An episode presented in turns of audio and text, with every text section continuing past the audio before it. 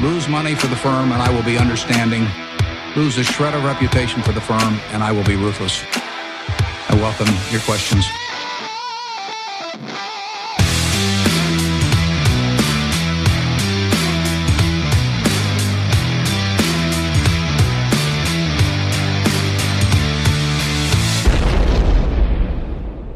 Hej och hjärtligt välkomna till Kvalitetsaktiepodden. Det är jag som är Ola. Det är jag som är Marcus. Ja, det är jag som är Klas. Det här är avsnitt 157. Eh, Släpps natten till to torsdag den 21 december. Spelas in dagen innan som vanligt.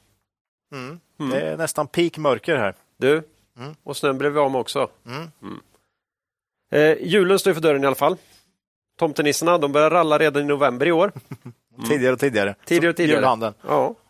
Eh, men det här är ju, vi försöker få till en julklapp här i alla fall. Till, till lyssnarna, en riktig godbit i alla fall. I form av en intervju med VBGs VD Anders Erkén. Riktigt trevligt. Och innan det blir dags för det så lite aktuellt och ytterligare ett bolag här. Eh, Marcus tänkte ge sig på här som lämpar sig extra bra den här tiden på året. Tycker i alla fall jag då.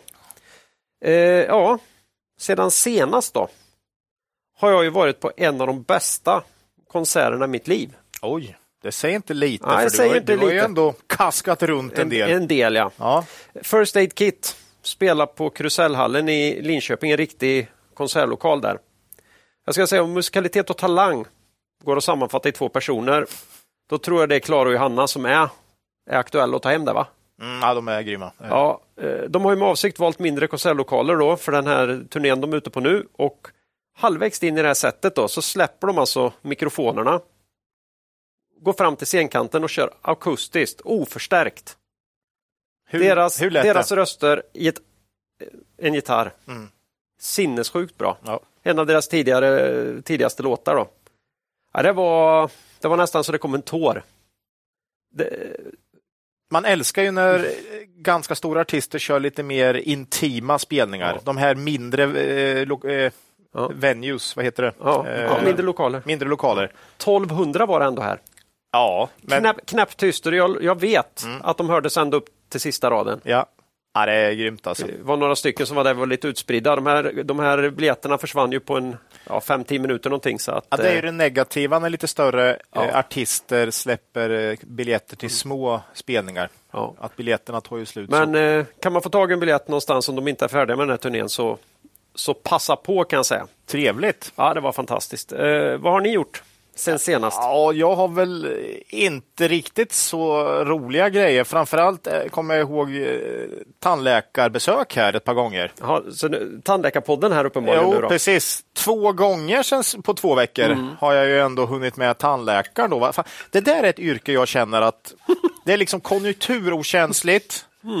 Med potential till ganska hög intjäning egentligen. Ja, det tror jag. Eller hur? Om du är bra.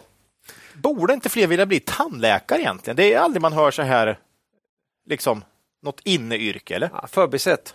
Eh, Jag, jag, nej, jag, jag, jag har ju, en av mina närmsta vänner är ju också tandläkare, Mm. så jag har ju liksom, man får ju lite input. Mm. Eh, den här killen, han är också väldigt förtjust i ordvitsar, så jag tänkte testa här lite om ni kan lite så här taskiga tandläkarskämt då. Ja, jo, det kan vi nog. Jag, jag börjar med en lätt här bara. Eh, vad gör tandläkaren på lunchen? Nej, kan inte jag. Nej, det går inte. Jag har inget. Käkar. Sluta! Jag försökte med någon jävla lunchlåda här, men Ja, jag hittade ja. ingenting. Ingenting hittade jag. Eh, Käkar. någon mer då?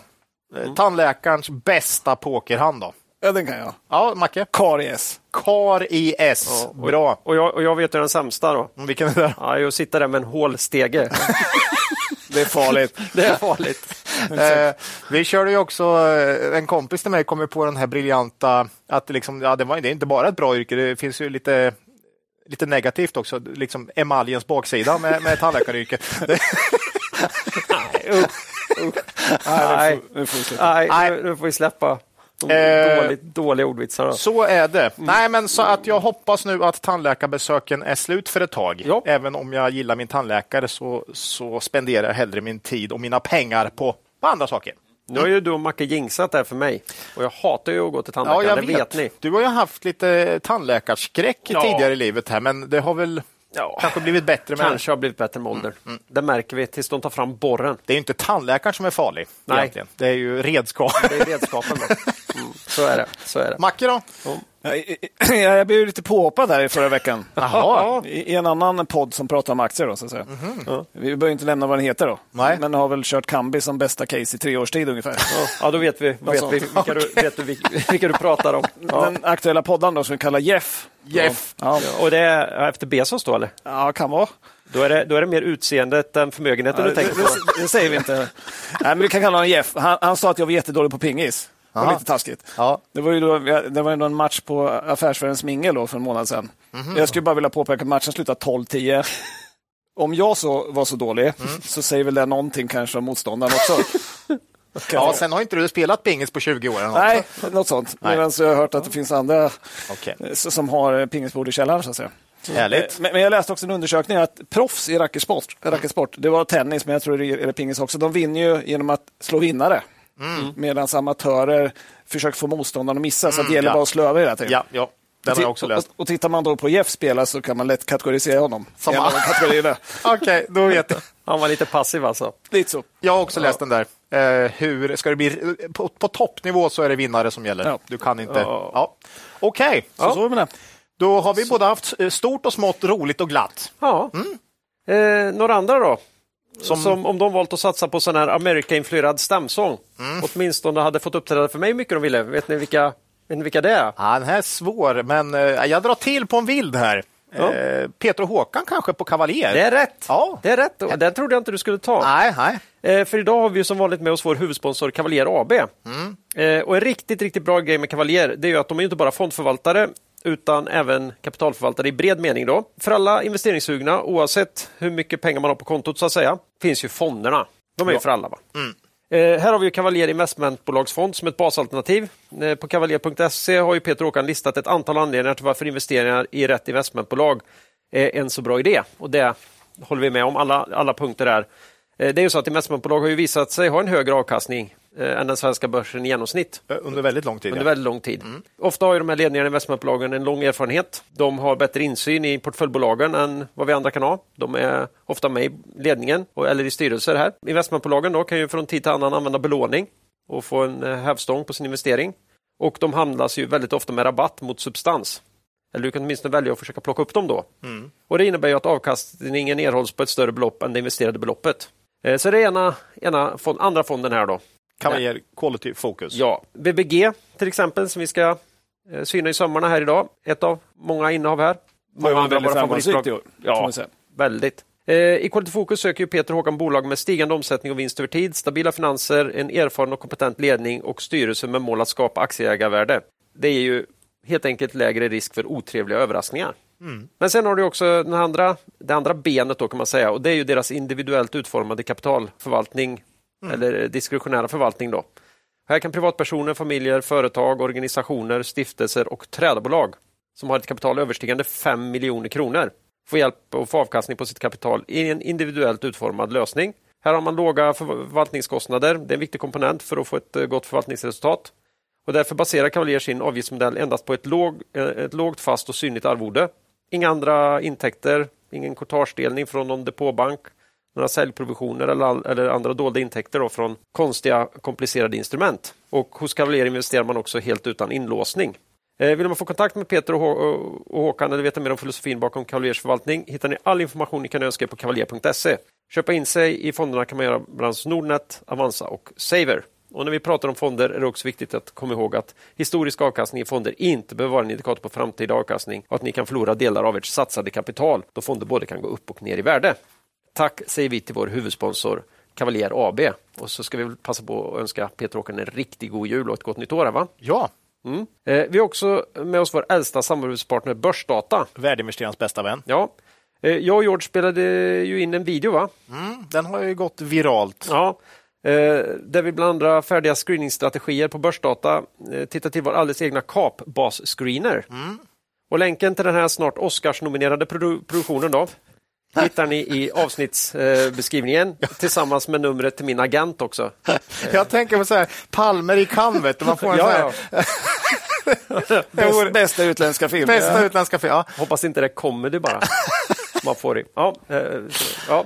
Eh, nej, men tanken med de här färdiga strategierna på börsdata är att inspirera användarna i att använda de här screeningfunktionerna. För då kan man hitta uppslag till bolag att titta vidare på, Ja. vilket man då gör med enkelhet i börsdata. Är man inte medlem hos Börsdata än så blir det. Alla medlemsnivåer, priser och själva tjänsten hittar man via borsdata.se. Tack säger vi till Börsdata och god jul! Eh, innan vi går vidare i avsnittet vill vi påminna våra lyssnare om att aktieinvestering alltid innebär ett stort risktagande. Aktier kan både gå upp och ner i värde. Satsa därför aldrig kapital på aktier som du inte är beredd att förlora. Det vi säger i podden ska aldrig betraktas som köp eller säljrekommendationer. Gör alltid en egen analys av bolagen innan eventuell handel. Macke, Ja, det är dags. Nej, men lite allmänt. Jag brukar kolla hur börsen har gått. Eh, Och nu börjar det bli en trend här, då, men 4,5 procent upp sen sist. Ja, det, är- det, det hade man inte trott. Nej, inte för två månader sedan. Nej, det, det, vände väldigt fort från rejält negg till rejält positivt. Alltså. Fjärde veckan är det inspelning i radion när vi sitter med kraftig uppgång. Ganska ovanligt faktiskt. Jag jag såg en sån här graf som mäter sentiment. Då. Den hade ju gått från fear till greed nu. Vänt hela vägen. Liksom. Ja. Men jag håller inte riktigt med. Jag ser att det fortfarande är fear. Fast nu är det fear of missing out. ja, jo det är sant. Det är en annan, en annan är alltid, rädsla. ja, Mm. alltid någon slags rädsla som Ja. rider en. Jag skulle säga att vi har FOMO deluxe nu just nu Ja. på börsen. Ja, köppanik. Ja, jag vet inte om det är kapital som har stått utanför börsen som helt plötsligt har kastats in. Ja, man är rädd att missa uppgången. Det, det som har gått upp mest är ju det som föll. Fastighetsbolag och Ja. sådär Ja. också. Men många med, med lite svaga balansräkningar och sånt som man var rädd för. Och nu är man rädd att missa uppgången istället. Ja. Så att, eh, sen, sen har en hel del av våra typer av bolag gått upp också. Ja, ja. Eh, så, eh, och vi har väl sett lite marginal safety krympa ihop på en del bolag. Ja, det har ju gått väldigt fort på slutet i många aktier faktiskt. Det är ju roligt såklart, men det negativa är ju att säkerhetsmarginalen försvinner. Ja. Eh, Men det är, det är ju det jobbet handlar om på något sätt. att- Ja. Vi har skalat lite grann i en del av Ja. eh, så. Sen har vi fått lite smäll av kontraktstillverkarna som vi tänkte återkomma till. Ja. Eh, För jag tänkte köra lite kapitalmarknadsdagsspecial. Oj. idag. Långt ord. Svårt Var ord. det alltså sen sena? Ja. Ja. Herregud. Ja, okej. Mm. Det känns Tiden, länge sedan tycker jag, men ja. Nej, det är väl för att jag har varit hos tandläkaren så mycket så att eh, Tiden står still. Nej, att det har gått så fort tänkte jag. Det, var, det känns som att det var jättelänge sedan, men okej. Mm. Nej, men vi börjar med Inwido. 7 december höll de kapitalmarknadsdag. Ganska odramatisk ska jag säga, eh, tillställning. Eh, kursen var plus 0,3 procent den dagen. Så marknaden höll med. Då, så att säga. Eh, höll kvar vid finansiella mål, omsättning 20, 30, 20 miljarder. Då. Eh, ska jämföras med att vi i år tror att man landar på ungefär 9,2 miljarder. Måste växa då 12 procent om året. Sen tror vi kanske inte man kommer växa 12 procent 2024. Då. Nej, Så, så då måste man växa lite mer sen än 2024 f- från där, från när man ska nå målet. Då, så att säga. känns som det måste till eh, ganska ordentligt med förvärv också här. Det är nog precis det som krävs. Eh, och här var lite intressant. Då. På, I Q3 hade man en nettoskuld genom ebitda på 1,1 i inkleasing, eh, 0,8 i ex, exklusive leasing. Då. Eh, målet under 2,5 så ganska långt ifrån. På kapitalmarknadsdagen nu så, hade man, eh, så sa man att vi har tillgänglig likviditet 2,5 miljarder och därmed kan vi förvärva för 5 miljarder givet normala multiplar vid förvärv. Det innebär ju implicit att de tänkte förvärva till PS 05 då. Ja. Eh, och de handlar sig själv till PS 084. Mm. Så det kan ju vara någon sorts vägledning om vad de tänkte betala för pris. Så att säga. Spännande. Hoppas de hittar de här objekten också. Ja. Eh, mm. Det är den andra delen. det, är ju, det är ju deras jobb. Ja. Vad som helst. Eh, och, och att det blir lite geografisk spridning och sådär. Så det... Ja, för de köpte inte så mycket, men det var ju när alla andra köpte. Så Ja, kan, ja. de har ju fa- fa- faktiskt hållit i pengarna Ja. och, och sen slog de till med ett här i höstas. va? Ja, Så att, eh, mm, spännande. Hoppas de lyckas. Det där är ju ett bolag vi har följt och, länge och gillar. ja, och ska man nå det här målet så måste man ju som sagt förvärva. Ja, Det går inte annars. nej. Eh, sen lämnar man en split mellan nybyggnation och renovering som jag inte tror att de har sagt för, haft för, med förut. nej. Eh, 69 procent av försäljningen renovering, 31 procent nybyggnation. Eh, 31 procent är ändå ganska mycket. Mm. Och det är inte så konstigt att den har det tufft. Så att säga. Nej, det såg man ju också i Q3. Eh, Men eh, då, ja, faktiskt. Ja, nej, men så. Att man tappar en hel del omsättning. Alltså. Eh, sen, sen är det ju så att det är ganska stor skillnad mellan segmenten. Då. Eh, E-handeln 90 procent renovering. Så väldigt lite nybyggnation. inte så konstigt, man säljer till privatpersoner. Det. Östeuropa dock bara 53 procent renovering. Eh, Så den delen kan ju få lite svårare där då. Även om det är kanske inte alla som har samma inbromsning som i Sverige på Nej, nybyggnation. Alltså. precis. Nybyggnation Sverige har ju haft det tufft. Det känns sämst i Europa. Typ. Typ. Eh, sen mest intressanta delen av presentationen var nog dock ändå att man sa att man förväntar sig en återgång till mer normal säsongsvariation från 24 och framåt. Med större eh, marginalskillnader mellan kvartalen eh, jämfört med vad man haft de senaste tre åren under pandemin. Då. Eh, Den långa snittmarginalen i Q1 ligger på 4,5 men de senaste tre åren har varit på 7,7. Och Då kommer frågan, var det en varning för Q1? Eh, Trodde vi inte det förra året med? va? Jo, och då blev det inte det. Nej, Hur, så hur ska vi göra i år? jag, jag, jag tror vi har lagt oss någonstans mitt emellan. Va? Ja, vi drog ner den lite också efter det här kommentaren faktiskt. Mm. Vi, vi kände som att de varnade lite grann ändå. klassiskt svenskt. Den gröna mjölken köper man. Ja. Lagom. Nej, men så vi, vi skruvar ner lite grann förväntningarna Ja. på Q1. An- I övrigt gjorde vi inte så stora förändringar på all information som vi fick. Så att säga. Nej. Eh, och vi äger fortfarande aktier i, i Inwido. Mm. Även om de gått väldigt starkt på, på Ja, slutet. oerhört starkt har Inwido Så. gått. Eh, går vi över till Note då. Mm. Eh, då var det dramatiskt på kvällen innan. Mm. Den 11 december innan de höll sin. Och det var ju för att de justerade ner prognoserna för 2023. Då. De skickade ut det inför, för sen skulle de ju hålla sin... Ja, de drog ut här på kvällen. Sen drog de ut annat innan också. Men, men de började på kvällen med, liksom, jag vet inte om de tänkte ingen ser det. det Skrev de klassiskt. vinstvarning eller skrev de eh, upp, uh, uppdatering? Bra fråga, jag kommer inte ihåg vad Du som har jobbat på... Ska man, inte, ska man inte vara tydlig med... Ja, men jag tror, det, deras var inte problemet. Det var, Nej. det var inget Hexatronic-meddelande. Nej, okej. eh, nej, men det man gjorde, man justerade prognoserna för 2023. Då. Mm. Eh, sa att omsättningen blir 4,21 till 4,26 miljarder istället för 4,3. Eh, det innebär en omsättning i Q4 på ja, 1075 miljoner om man är i mitten av intervallet. Och Det var 5,5 procent sämre än vad vi hade gissat på. Så att säga. Eh, Man sa att de lägre nivåerna framförallt förklaras av förseningar i uppstarten av nya projekt, framförallt inom försvarsindustrin, samt ökande omställningskostnader i fabriker där omsättningen på flera kunder blivit lägre än vad man förutsåg vid ingången av kvartalet. Mm. Så det låter ju som det kommer ganska snabbt. Jag måste ha gått riktigt fort här. Ja, Och, och, och du lyssnar ju på den här... De var ju på någon kontraktstillverkad dag, va? ja, ja det var det också. Och, Sen presenterade han faktiskt också emellan där en gång på Mm. Aktiespararna.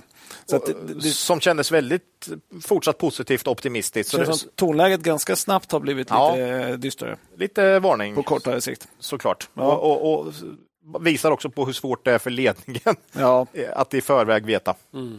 Och sen är ju omsättningen en sak då. Eh, Men vad klart var det var att man angav att marginalen skulle bli 8,5 till 9. Eh, Och det kan jämföras med förra årets 10,7 och vår gissning på 10. Hade Det är man inte sagt att man skulle ha 10 också innan? Ja, man sa inte exakt vad man skulle ha, men man antydde ganska kraftigt på förra eh, per- QTs konfkål, skulle jag säga, Ja. att man inte skulle hamna så superlångt ifrån 10,7. Nej.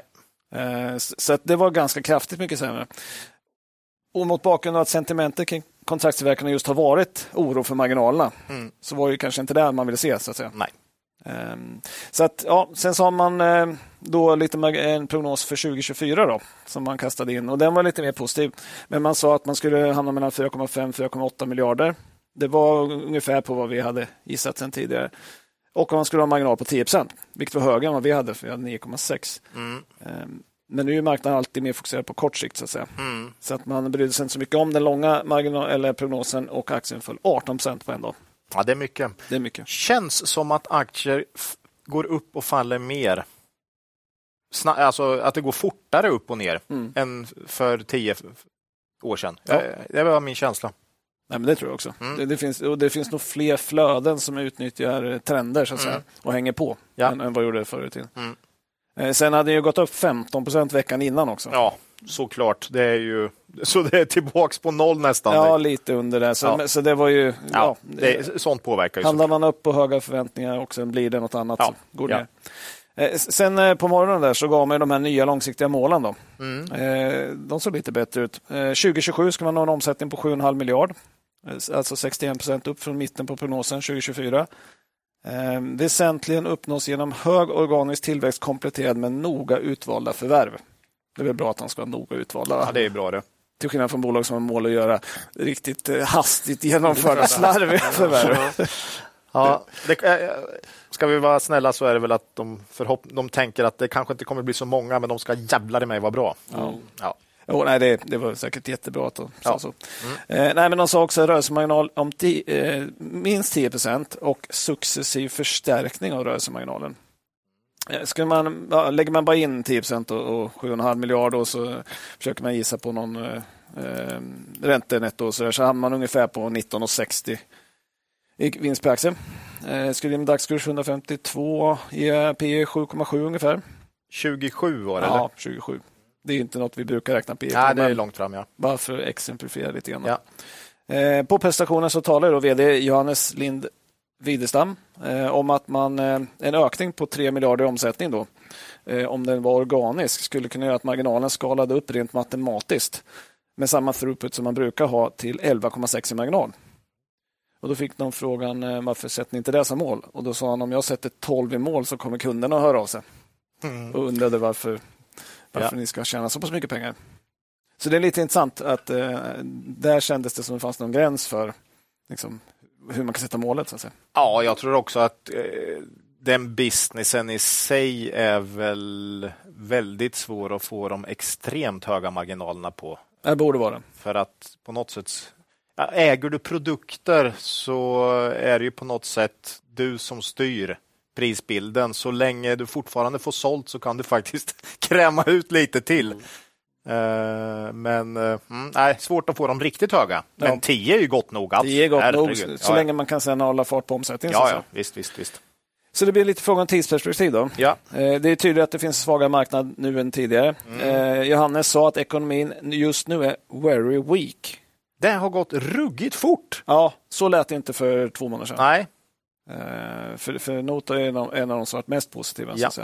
Han sa att det fanns en ganska stor sättning just nu där man har en förflyttning av leveranser då många kunder vill dra ner på lagren, vilket får konsekvenser hos Notos och, och sina sektorkollegor. Han, till. Mm, han, han har koll på så han tror att det inte bara dem. Nej. Uh, han sa att den minskade tillväxten också har slagit mer mot marginalen än vad de själva trodde på. Det, det, kan man ju se där, mm, när man ja, får det så pass stort tapp. Ja. Um, och det måste man hålla med om, man tappar två procentenheter från förra Q4. Då. För, uh, Q4 förra året. Då. Uh, så det ser inte så jättekul ut i närtid. Nej. Eh, lite svårt att tro att det blåser över snabbt. När det väl kommer problem så brukar de sällan vara jätte, jättekorta. Ja. Eh, så vi vågar inte tro riktigt på den här prognosen för, för 2024. Nej, så. alltid lite jobbigt med de där, när, att det ska liksom vända så där om man har en sån offensiv prognos för, ja, för nästa år när närtid ser tufft ut. Så. 10% marginal känns ju tufft. Mm. Man, man, går ner mot 8,5-9. Mm. Mm. Det lär väl spela över på Q1. Ja, då måste man en bit över 10 på slutet om man då ska hålla 10 i snitt. Så att säga. Ja. Nej, det tror inte vi riktigt på. Eh, på lång sikt, Note fortfarande intressant. Når de sina mål så är aktien inte dyr. Nej. Eh, och den som har långa perspektiv pensionsspar så kan gott ha kvar aktien. I firman försöker vi optimera lite mer på kort sikt. Då. Så vi sålde våra aktier i Note oh. efter det här. Ja. Eh, vi får se om vi får ett läge att komma tillbaka nästa år när det klarnat lite mer. Vi, vi tappar ju en hel del mos faktiskt. Eh, fick justera ner och vi tror ju som sagt inte riktigt på prognosen för 2024. Eh, sen hade vi bara 2,5 procent där, så det var, det var inget stort innehav faktiskt. Nej. Men, men Långa caset helt intakt skulle jag säga. Jag, jag, ser inte det här som någon katastrof om jag Nej. ska vara ärlig. Inte alls någon katastrof. Särskilt inte om, om, om det är så att den här eh, försenade projektdelen är den viktigaste. Nej. Eh, vi känner väl då kanske att den andra delen förmodligen är ännu lite mer markant. Här gör vi så ganska ofta att vi eh, tar ett steg åt sidan, ser ett par rapporter från sidan och ja, följer det helt enkelt ja. från avbytarbänken och ser om vad som händer. Ja. Eh, och kanske ibland köper man tillbaka på samma nivå, ibland billigare, ibland kanske man köper tillbaka dyrare. Så kan det vara. Men eh, mm, då har vi i alla fall eh, känner att vi har lite mer trygghet. Ja. Mm. Så så kan vi göra. Jag och det har, har vi gjort här. Jag har kvar aktier i pensionssparet. Ja, jag tror det är jättebra aktie på vad sa vi, buy and hold, 18 års sikt va? Mm. Mm. Jag tror inte man behöver vänta så länge heller. Nej, men, tror, inte jag. Eh, tror inte jag heller. Sen hade vi sektorskollegan Kitron. Då. Ja. Eh, de hade ju dagen efter, den 13 december. Mm. Eh, var det en klang och jubel? Det var mycket likheter med Note, men inte riktigt lika illa. Nej, det kändes eh, inte så. Nu. För det första så höll man ju kvar prognosen för 23, då. Mm. Det, vilket ju Note då inte gjorde. Eh, har man ett intervall, då, så man får se vart intervallet man hamnar då, när Q4 kommer. Då, så att säga. Eh, mest negativt var dock 2024 man, man spådde en omsättning mellan 700 till 800 euro. Miljoner euro. Och det är liksom en lägre intervall än vad man hade i år med 750 till 800 då. Så, att säga. Så, så, lägre omsättning nästa år. Och Då talar man om tempered demand for the first half of the year in Europe and China. Och särskilt negativ var man till Kina. Mm. Det, det, var en av de som varit mest negativa som jag hört på slutet. Ja. Um, de, de, sa ju, de har ju produktion i Kina för Kina. Ja, just det, just det. det är klassiska vi pratar om att vissa har ju produktion i Kina och så skickar man hem mm. grejerna till Europa igen. Men de sa att de har mycket i Kina för Kina och mm. att det var väldigt svagt sentiment för konsumenten i Kina. Så att säga. Ja. Eh, så att, eh, ja, vi får, får, följa det, men, men ja, de var negativa där. Sen var man positiv till Norden. Framför allt försvarsindustrin. Då. Mm. Man sa att man ska växa 50 procent 2024 och på sikt 30 procent om året inom det segmentet. Då. Och Det ska vara firm orders, det vill säga inte sånt som kan dras tillbaka. Då. Och Man sa att man har köpt in lager med komponenter till de här grejerna redan. Då. Eh, det är såklart hemska... Det är väl, de är ganska stora inom försvar? Ja, det är väl en femtedel ungefär. Okay. Ja. Men, det blir ändå bra ja. om de växer där 50 procent. Ja. Och det är det hemska kriget i Ukraina såklart som driver på. Här. Mm. Men, man lyfter även fram också eh, NATO-frågan med Sverige och Finland. Då. Ja. Eh, som förmodligen kommer leda till lite mer investeringar i den sektorn. Någon form av upprustning. Lite så. Mm. Och det är ju tråkigt i sig. Ja. Men just för, för Kitron då så kommer det öka efterfrågan. Då. Eh, och så sa man att man har varit länge i den sektorn och det har man ju varit. Eh, och att det är högre vallgravar här för att det är svårt att komma in för konkurrenter. Då. Mm. Eh, mer säkerhetskrav, klara av fler protokoll som ska uppfyllas och så vidare. Så, så att, men, men, marknaden tog fasta på de här sänkta utsikterna för 2024 och aktien var ner 9,4 procent. Ja. Likt, och det här sa vi tidigare när vi, när vi tog ut dem i hold, så att det, det blir nya mål. Det kan vara spännande. Mm. Not höjde sina långa, det gjorde Kitron också. Mm. Eh, sen var inte det marknadens fokus. Men, Marknaden men, brukar inte vara riktigt så långt bort utan ofta eh, sex månader fram eller något sånt där. Ja, men, men för den här, en sån här buy and hold-portfölj så är det kanske viktigast om man höjer ja. de långa. Ja. Men det, det är ju spännande här ändå att det är så pass bäsigt eh, sentiment runt de här aktierna. Nu, nu kommer de själva ut här och guidar för att det ska bli tuffare. Mm. Men eh, annan verkstad går ju som tåget. Mm. Vi får, det där är jäkligt spännande. Ja, alltså, även mm. marknaden tänker att nej, det här, har ingen, det här har ju ingenting med de här som säljer prylarna som i slutändan som de här tillverkare gör, utan det här är något som händer bara hos kontraktstillverkarna. Och den här idén om att man har tagit hem den här produktionen. Mm. Där tror jag ju att man har fel. Jag tror ju att idag tillverkar tillverkar man så mycket mer komplexa prylar, eh, många av de här kontraktstillverkarna, så att det är inte bara att, det är inte bara att ta hem utan då är det för att man helt enkelt antingen redan har lager som man tar ifrån eller inte räknar med att sälja grejer. Ja. Och, och Den positiva tolkningen är att det är lagren som är problemet och mm. inte efterfrågan. Att man därmed kan beta ner lagren och sen allt eh, uh, kör på som vanligt. Men de har ju en väldigt bred bas av kunder. Mm. Och om de ser en så snabb och snabbare inbromsning än vad de själva trott. Det är svårt att komma ifrån känslan av att det kanske drabbar fler bolag än dem. Ja, Nej, men det, det, det, är klart, det måste, förr eller senare måste det drabba även industribolag på något sätt. Och Det är inte helt lätt att få ihop då den bilden med den här eh, jag ska säga, galna rusningen som vi haft de senaste Nej. fem, sex veckorna på börsen. Det är väl snarare kopplat till räntan va? Eh, och någon form av förhoppning om peak ränta. Va? Ja. Men, det, men, det, blir lite diskrepans mellan börs och, ja, och den är, verkligheten. Ja, men ofta genom historien när vi har hamnat i sådana här relativ, relativvärderingsdiskussioner att saker som borde hänga ihop är helt frikopplat. Mm. Olika bygghandlare till exempel och sådär. Eh, då har det ju nästan alltid visat sig att det här nersidan-caset var det mest korrekta. Tyvärr, att det här som liksom ja. har handlats på och ja. varit fortsatt poppis, att det kanske inte var riktigt, Nej. riktigt rätt. Så frågan är om det kan vara vara så här också då att eh, det, det, är nog kanske tuffare tider för våra kära kontraktstillverkare. Det är det ju, det säger och, de själva här. Så att... Då är frågan, vad innebär det då för ja. Verkstad i stort, mm. även om man kan sälja i kronor? Ja. Det ska bli spännande att se. Mm. Och fördelen med, med börsen är det, det kommer vi få se. Mm. Första halvåret 2024. Fast jag skulle vilja veta nu. Ja. ja jo, det... Börsen var ju tidigt ute och sänkte ner de här. Alltså. Ja. Ska vi säga så här, de lyssnare som vet det, de mejlar till oss och berättar. Ja, man behöver, kan ta det lite så. Ja så löser vi ut det. Tips till Claes kan ni ja, ha som ja, subjekt. Och så berättar ni för Claes hur, hur det, det kommer gå. Bli, och så agerar jag på det. Mm. Eh, nej, men eh, Kitron, långa målen. Eh, man har ju tidigare sagt omsättning 10 miljarder NOK. Eh, höjde till en miljard euro. Så man bytte valuta där och eh, med dollar, eh, euro, eh, NOK-kurs på 11,26 så höjning med 11 procent ungefär. Så det är en, en höjning av målet. Eh, man höjde också vinstmarginalmålet från 8 till 9 procent. Ja, just det. Eh, Den ja. är ju, det är ju en tydlig signal faktiskt. Det, ja, och det är vi, har varit hoppas det lite, håller. vi har varit lite oroliga för man har legat på 9 haft mål 8. Ja. Lite Byggmax-grejen där. Mm, Eh, Och varit lite oroliga, men nu höjde man upp det långa målet till 9. Då. Mm. Eh, slår man de här så vinst 3,73 norska ungefär. Vid dagskurs ungefär P8. ja.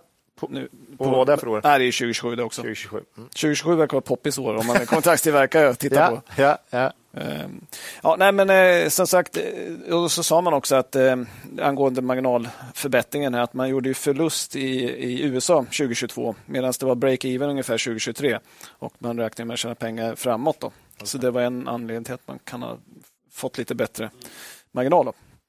Jag kommer ihåg AQ sa ju det också att man har fått ordning på de här sämsta fabrikerna och lite det som han, han sa att man har lyft marginalen med. Då, så. Ja. Eh, För 2024 då, så spår man ett rörelseresultat på 60 till 74. Eh, Det är 8,9 procent i marginal om man räknar på mitten. Eh, Det är alltid intressant med här, när det är ett intervall, för alla räknar med mitten. Eh, Men på Comfort sa faktiskt vd Peter Nilsson att när de ger ett intervall så räknar de också med mitten. I, gr- i grundscenario. Så Okej. han sa att sen har han lite wiggle room för att det faktiskt blir lite bättre på marknaden eller det blir lite sämre på marknaden. Men, men grundscenariot är att de ska hamna i mitten. Hade, jag, jag, trodde, jag, jag trodde faktiskt att de flesta hade nedre delen som sin... För vi kan överraska lite. Ja, eller något sånt. nej, men, men det var bara en... Ja. det är så kanske man inte får göra. Det kanske finns regler för det där, jag vet inte. Men, Nej, men det är väl nog ingen som kan vi- bevisa det. om nej, men, men, men, ja, men vi lägger, vi lägger liksom... Vi, eller vi tror och sen så sänker man det här lite så att man har fallhöjd. Är du med? Mm. Man, man har alltså sin prognos är egentligen i övre delen, men sen lägger man ett intervall som är liksom lite längre. Alla vill ju bli lite bättre. Ja, och sen, ah, vi måste höja upp här. Ja, okej. Nu går det lite bättre. Ja, nej. Ja, så kan det vara. Men de sa i alla fall att de trodde på mitten. Ja, men det är ju fair. fair. Lowballing. Ja. Så det är bra att veta. Eh, Men det är tydligt att man väntar sig ett tuffare första halvår. Då. Ja. Eh, Men förhoppningen är att under halva, andra halvåret ska det liksom, lagen har betats ner, liksom, räntorna har vänt ner och eh, efterfrågan har börjat komma tillbaka lite mer. Så att säga. Hoppas det blir så. Ja, vi får se. Eh, Men som, sagt, som vi sa, de har en bred bas kunder så att det är ju tveksamt om det här bara är ett problem för bara kontraktstillverkarna. Ehm, Ja, vi fick i alla fall skruva ner prognosen för 2024 men gjorde inga ändringar på lång sikt. Ehm, Vi ser fortfarande en rätt okej okay margin of safety. Vi har kvar våra aktier i Kitron. Kitron är kvar, ja. Även om vi tror på lite tuffare i början. Men det är väldigt 2024. tydligt att man får nog säga att kontraktstillverkarna som, som grupp nu står inför lite tuffare kvartal än vad man trodde för bara några månader sedan. Ja. Det är, det är ju, om två stycken går ut här nu och, och pratar om det så. Ja. Ja, och vi, vi har ju tagit upp det tidigare i podden att marknaden hade uppenbarligen sniffat upp en svaghet som ledningarna inte såg. I Nej. alla fall ledningarna inte kom, kommunicerade utåt kring. Så att säga. Nej. De var ju väldigt positiva, väldigt mycket. Eh, och- men aktierna började falla redan vid halvårsskiftet 2023. Då. Ja.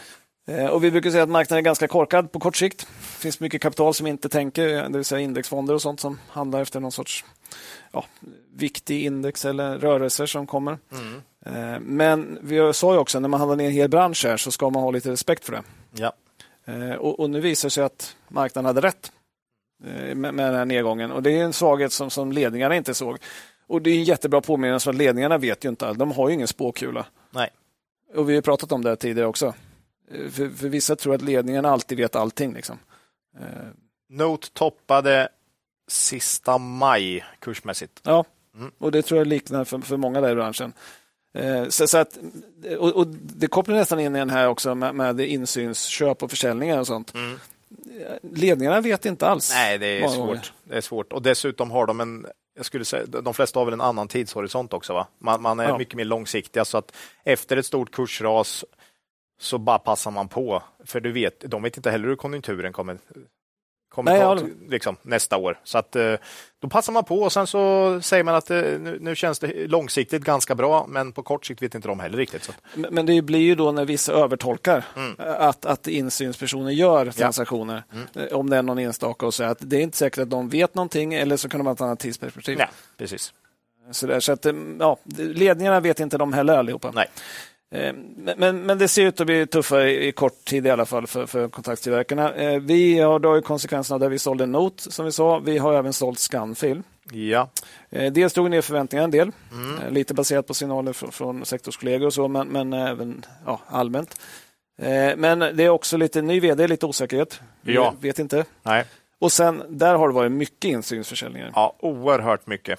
Är, jag, jag, jag, jag vet inte, det jag har ingen insyn i, i Scanfil så, men, men eh, det är ju lite jobbigt när det kommer en ny vd och sen är det massa som, många som säljer alltså. Och samtidigt när det kommer lite såna här signaler om att det kanske blir Svagare lite tid. tuffare. Ja, liksom. Och de har ju, ja, nej så, så att eh, aj, Nya vdn lånar aktier och säljer? Nej. om vi så överhuvud, alltså på något sätt, om man, jag säga, han är den enda som har köpt. Han är den enda som har köpt. det, var, det var det jag skulle Ja. säga här, att han har ju köpt. ja, han har köpt. Men ja. alla de andra har sålt. Ja, eh, så mm, ja, det, det, om man överhuvudtaget ska bry sig om insynsförsäljningar så måste det vara en varningssignal i Scanfil nu. För den är så kompakt den insynsförsäljningslistan nu. Det är lite för många. Det är lite för många, eh, annars kan man lika gärna stryka det. Men jag, vi har faktiskt med det bland våra kriterier att vi följer den och eh, blir det för många olika som säljer vid samma tillfälle då, då Det finns ju två lätta scenarion där som man blir rädd för. Det ena är ju att eh, det här vd-bytet har liksom inte blivit så bra när det gäller personkemi och sådär.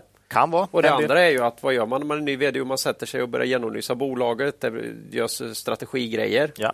och i samband med det Istället för att alla liksom står upp och hoppar upp och ner av lycka och springer och köper aktier så börjar alla sälja aktier. Mm. Ja. Eh, det, är inte, det är inte det man... Nej, nu vet inte på jag vad det här är. Det kanske är Nej, finns- gamla gardet ja. som... eh, Det kanske är... Ja, jag vet inte. Jag- Jag kommer ju ihåg när eh, Proact eh, eh, ja, justerade om, eller byggde om lite i organisationen. Eh, faktiskt. Och då var det ju lite insynsförsäljning, men det var väl från de som fick gå, tror jag. Det visste man ju inte. Alltså, Nej, Och en, en av dem som sålde var avgående vd här, men det, det var Ja. fler också. ja, nej, så, så att lite för många. Så, så Scanfil har vi släppt också. I, tillsammans med den här lite dystra bilden för början i alla fall. nej, lite för 2024. många grejer som känns jobbigt där just nu. Så, så vi släppte de två. Då. Mm. Eh, vi har skalat i AQ också. Ja, men Eh. AQ är ju, har ju gått som en skaladrotta. Ja, precis. Så vi, vi, vi, vi, vi skalar lite där. Vi har fortfarande kvar aktier i Ja. AQ, men inte lika mycket längre. Eh, och så har vi kvar aktier i Kitron, som vi Ja. sa. Men, men här är lite poängen med diversifierad portfölj också. Ja. Som du sa, vi hade 2,5 procent i Note, eh, 4 i Kitron och så här. Så det blir en hanterbar nedgång, även om det är tråkigt att få en smäll. Så att säga. ja, samtidigt sa du ju att den var upp 18 eller 15 procent. Innan, ja. ja. Så att det är liksom, ja, jo, den dagen, men samtidigt sett på ett par veckor så är det ju ingen Nej, det större ingen... katastrof. Nej, är det. Eh, och sen har vi på lång sikt inte ändrat syn alls. Eh, vi, vi tog ut eh, Note och i Hold 7. Vi tror på långa caset. Ja. Eh, de här långa målen tycker vi inte på något sätt ändrar bilden, snarare till mer positiva. Eh, och det att ta ut dem i Buy and Hold ska inte utvärderas på ett par veckor. Nej. Utan på lång sikt, 18 år har vi pratat lite grann om. Så att, eh, och, Jag tror inte de kommer vara sämst om vi, när vi följer upp den där om fem år. Jag, det, det kommer vara något annat i den vi kan. Jag gissar det. Vi kan kolla Ja. fem år, men eh, fem och tio år. Så. Ja, ja, vi jag får håller se. med. Eh, Och sen sa vi att den här portföljen var inte en optimering av det vi såg var mest attraktivt precis just då. Nej. För vi påpekar ju det här med att de här aktierna hade handlats upp just inför sina kapitalmarknadsdagar. Vi tyckte det var lite jobbigt. Tyvärr. Men vi tog med dem ändå. Så att säga. Även Tomra var väl upp 20 procent Ja, ännu sista... mer. Så att, eh, men, det men var ska vi hålla på och byta bolag då hela de sista dagarna när det är rally? Precis, nej, men det orkar hinner vi inte. Nej. Det här är på 18 år. Man måste... Sen kan man ju, om man vill vara lite, li- lite, lite kul, där, eh, säga att eh, man kan konstatera att kontaktstillverkarna håller inte på med analyt- analytikermassage i alla fall. Nej, Nej. stor eloge. Ja. Ja. Det, här, det här överraskade många på marknaden. Mm. Oss och, och, och oss, oss också. Och Så ledningen medverkar. Och som. ledningen. Så många blir överraskade. Men, men så vi har en liten eh, läskig känsla av att de har en ganska bred kundbas och att det kanske inte, är bara de som nej. drabbas. Skulle tro att det visar lite på vart eh, kommande kvartalen ser, eh, kan, kan landa. Ja.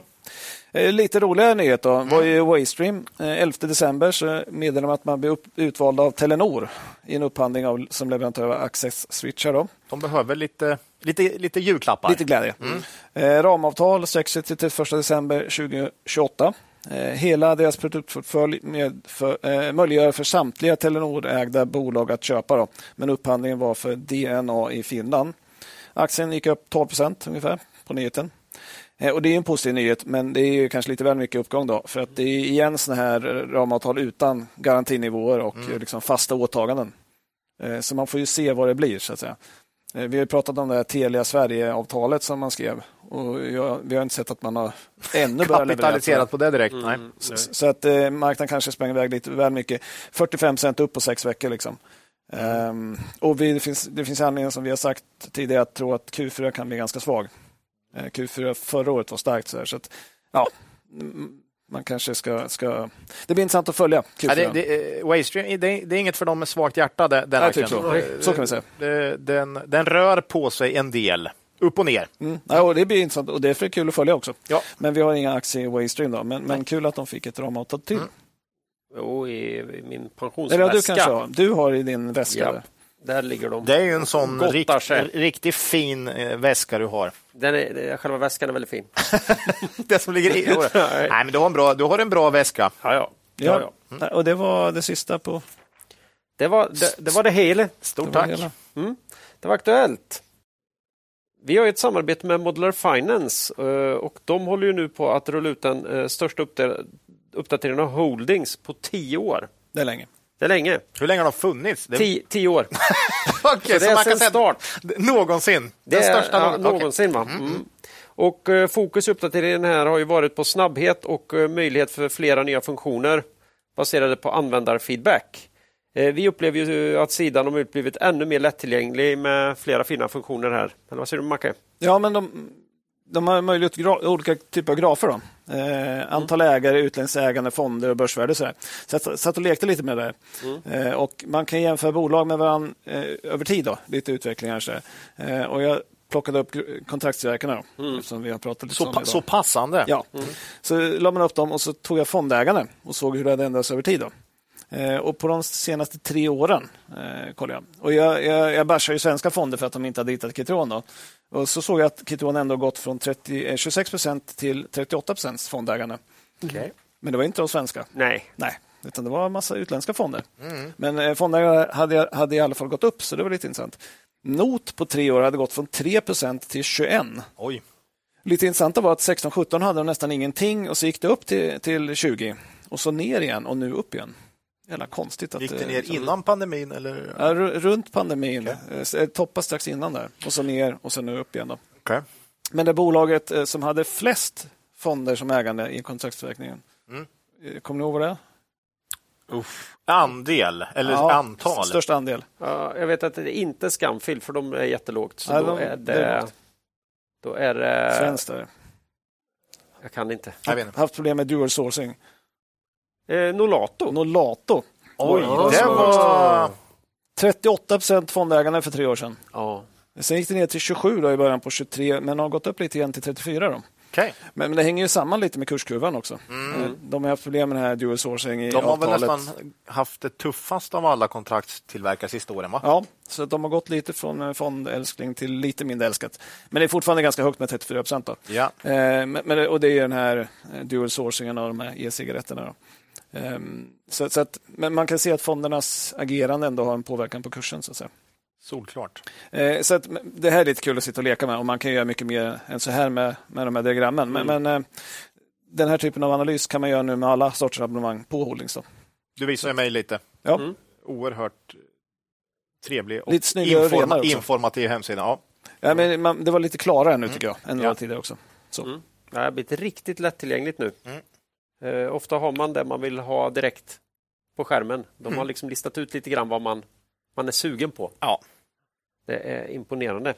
Ja, eh, tack säger vi till eh, Modular Finance och deras tjänst Holdings.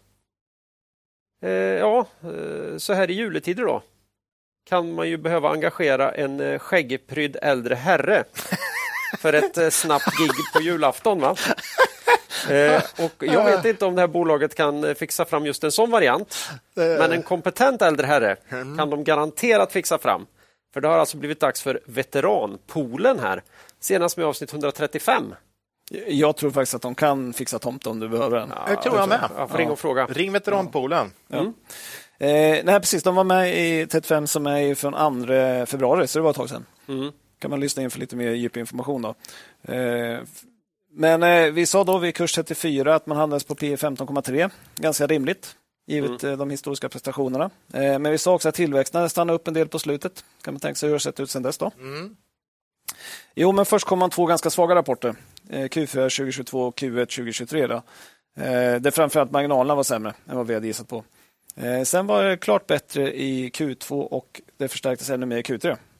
Så det går åt rätt håll. Så att Bra säga. trend. Bra trend. Omsättning plus 13 procent i Q3 till 151 miljoner. Eh, klart högre än, än, än tidigare där. Förbättringen har man kunnat följa då, månadsvis. Bolaget har ju såna här månadsvisa rapporter över hur många timmar man har arbetat. Så då november har du nu då? Ja, nu har vi november. Det var bra i oktober, lite mindre bra i november. Okej. Mm. Vänta på december sen. Eh, Men det det är transparent och bra att man har sin månadsrapportering. Eh, Sen i övrigt så har man utvecklingspotential, brukar vi säga. Eh, För man skulle kunna ge lite mer information. Eh, När det var starkt nu i Q3, då tänkte man så här, okej, varför blev det så bra? Då sa de att det beror på att vi gjort starka insatser för att nå ut med att veteranpoolen kan hjälpa företag och privatpersoner. Okej.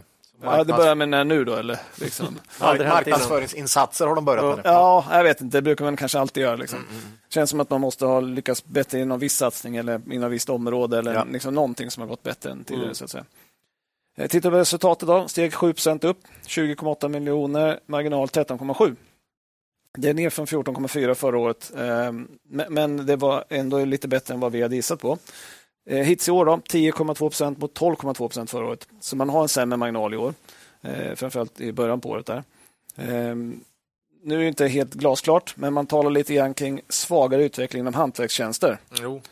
Det är ju ingen jätteskräll då, om man kollar på Byggmax. Och Nej. Det, byggs, det har inte varit lika mycket liksom, trall och sånt i, i, år som... Och man kan tänka att det är en hel del kompetens inom det som de har faktiskt. Ja, och vad vi har förstått så är ju marginalen lite bättre Det inom den delen. Eh, Och det förklarar ju då om den är lite svagare i år att, att eh, marginalen som helhet har gått ner lite grann under året. Då. Jag vet inte heller om liksom lite sämre ekonomi hos familjer, att man gör mer själv. Vet Förmodligen. Mm, mm. Absolut, Nej, men så, så lär det vara. Eh, och, men, men det här är en liten potential då, både för, för tillväxt och marginal Ja, om ja, det blir lite bättre hemmarfixarklimat igen. Ja. Eh, och, och, och det borde inte bli så jättemycket sämre än vad det är i år kanske, Nej. om man tittar framåt. Så. Eh, sen, sen finns det en oro kring konsultbolag, eh, hur man ska hantera en svagare efterfrågan, det har vi pratat en del om. Eh, och den största risken är då att man får folk som sitter på bänken. Då. Man hittar inga uppdrag utan konsulterna eh, sitter hemma så att säga. Eh, och det kan ju slå ganska hårt mot lönsamheten framförallt. Här är ju veteranpoolen lite annorlunda, då, för veteraner är ju inte anställda med månadslön. Liksom. Nej. Utan de kommer in och tar uppdrag och så delar man på intäkterna. så att säga. Ja. Och Det gör att en nedgång i antal uppdrag inte ska slå på samma sätt mot lönsamheten. Nej, det gör ju inte det, för de här fasta kostnaderna är så väldigt små i förhållande till totalen. Va? Ja, exakt så. Eh, Så det är klart att du får en nedgång i omsättning och du får en viss påverkan för Ja. att slå inte ut overheaden. Men det är inte samma Nej. påverkan som i konsulten i Nej. övrigt. Då. Nej. Och det är ganska attraktivt när, när marknaden eh, ser lite tuffare ut. så att säga. Eh, Bra upplägg. Ja, men Ja. det tycker vi. Mm. Och så tappar man inte kompetensen heller. Nej. Nej. Nej, det är jättebra. Eh, Sen en fördel som, som man har mot sina konkurrenter då, det är att man är störst. Marknadsandel 40 procent ungefär. Det finns ju vissa nätverkseffekter här för att eh, veteranerna vill ju kunna ha många uppdrag att välja på och då vill man kanske vara hos den största aktören för det är där man har flest uppdrag. Och den som ska anlita den här typen av aktörer vi- vill ju ha en stor pool att kunna anlita från. Mm. För vi pratar om det, i och med att man är frivillig att arbeta så, så, kan man ju tacka nej om man är inte anställd och måste ta uppdraget. så att säga. Och då behöver man ha en stor pool att ta av. Så, så därför blir det liksom en gravitation för båda parter att Ja. hamna hos den största. Så, så att man kan ha nytta av att vara stor och eh, liksom få det att fungera bättre ju större man blir. Så, att säga. så det är bra för veteranpoolen också. Sen i september så meddelas regeringen att under 2024 kommer man göra rotavdraget lite mer generöst. Just det. Från 1 juli ska det vara. Gränsen höjs från 50 till 75 000. Så sa man någonting också att man ska ha separata tak för ROT och RUT. Eh, som också är en förbättring. Eh, och man utför ju mycket arbete under ROT och RUT. Eh, Veteranpoolen då. Så att det är klart positivt för dem om det utvidgas. Då. Halvårsskiftet. Eller Halvårsskiftet sa man. Sen var det lite smolk i glädjebägaren då att man sa att det här är en tillfällig åtgärd för att hjälpa byggsektorn genom en tuff period. Då. Men det har ju hänt förr att sådana här tillfälliga åtgärder permanentas. Liksom. Eller blir kvar. populära. Blir kvar lite längre i alla fall Ja. än vad man kanske hade tänkt. Ja. Så, så det är positivt för dem också. Eh, man har inga räntebärande skulder. Eh, I Q3 hade man kassa på 36 miljoner. Eh, har ju stabil utdelare. Vi gissar på eh, utdelningen i år på 2 kronor, att man behåller den. Aktiekursen 30 ger en direktavkastning på 6,7 procent. ja, det är inte fy. Det är bra. Mm. På rullande 12 har en vinst på 1,87 med kurs runt 30 så är P 16. Ungefär som förra gången vi pratade om dem. Vi tror att det är lite bättre momentum nu då i verksamheten ändå och att Vi kan öka vinsten lite kommande 12 månader. Vi har 2,15 i våra ark. Då. P 13,9. Eh, vi ser viss margin of safety, men inte tillräckligt för att köpa i firman. Då. Eh, vi, vi, köpte en bevakningspost när den gick ner mot 27, då. Eh, men den föll inte tillräckligt för att det skulle bli ett riktigt innehav. Mm. Men det var inte så där superlångt ifrån. Nej, nej, nej. Men inte riktigt tillräckligt. Men, men, den har vi kvar då så länge. som vi sa förra gången vi pratade om dem, bra aktier för pensionssparet. Mm. Jag har en hel del där nu faktiskt. Jag köpte Oj. lite mer efter Q3. Mm. Jag tycker att det ser intressant ut på lång sikt. Börsvärde 620 så det är lite, lite i nedre också. gränsen för vad vi i alla fall för firman brukar investera i. Men, ja, ja. Det, det, men det är, omsättningen i aktien är inte superbäst. Nej, men väl, eh, intressant bolag. Intressant verksamhet. Intressant nisch på, på, ja. på lång sikt tror jag. Ja, mm. tror jag med. Och de har säkert jultomtar. Ja, vi hoppas på det. Mm.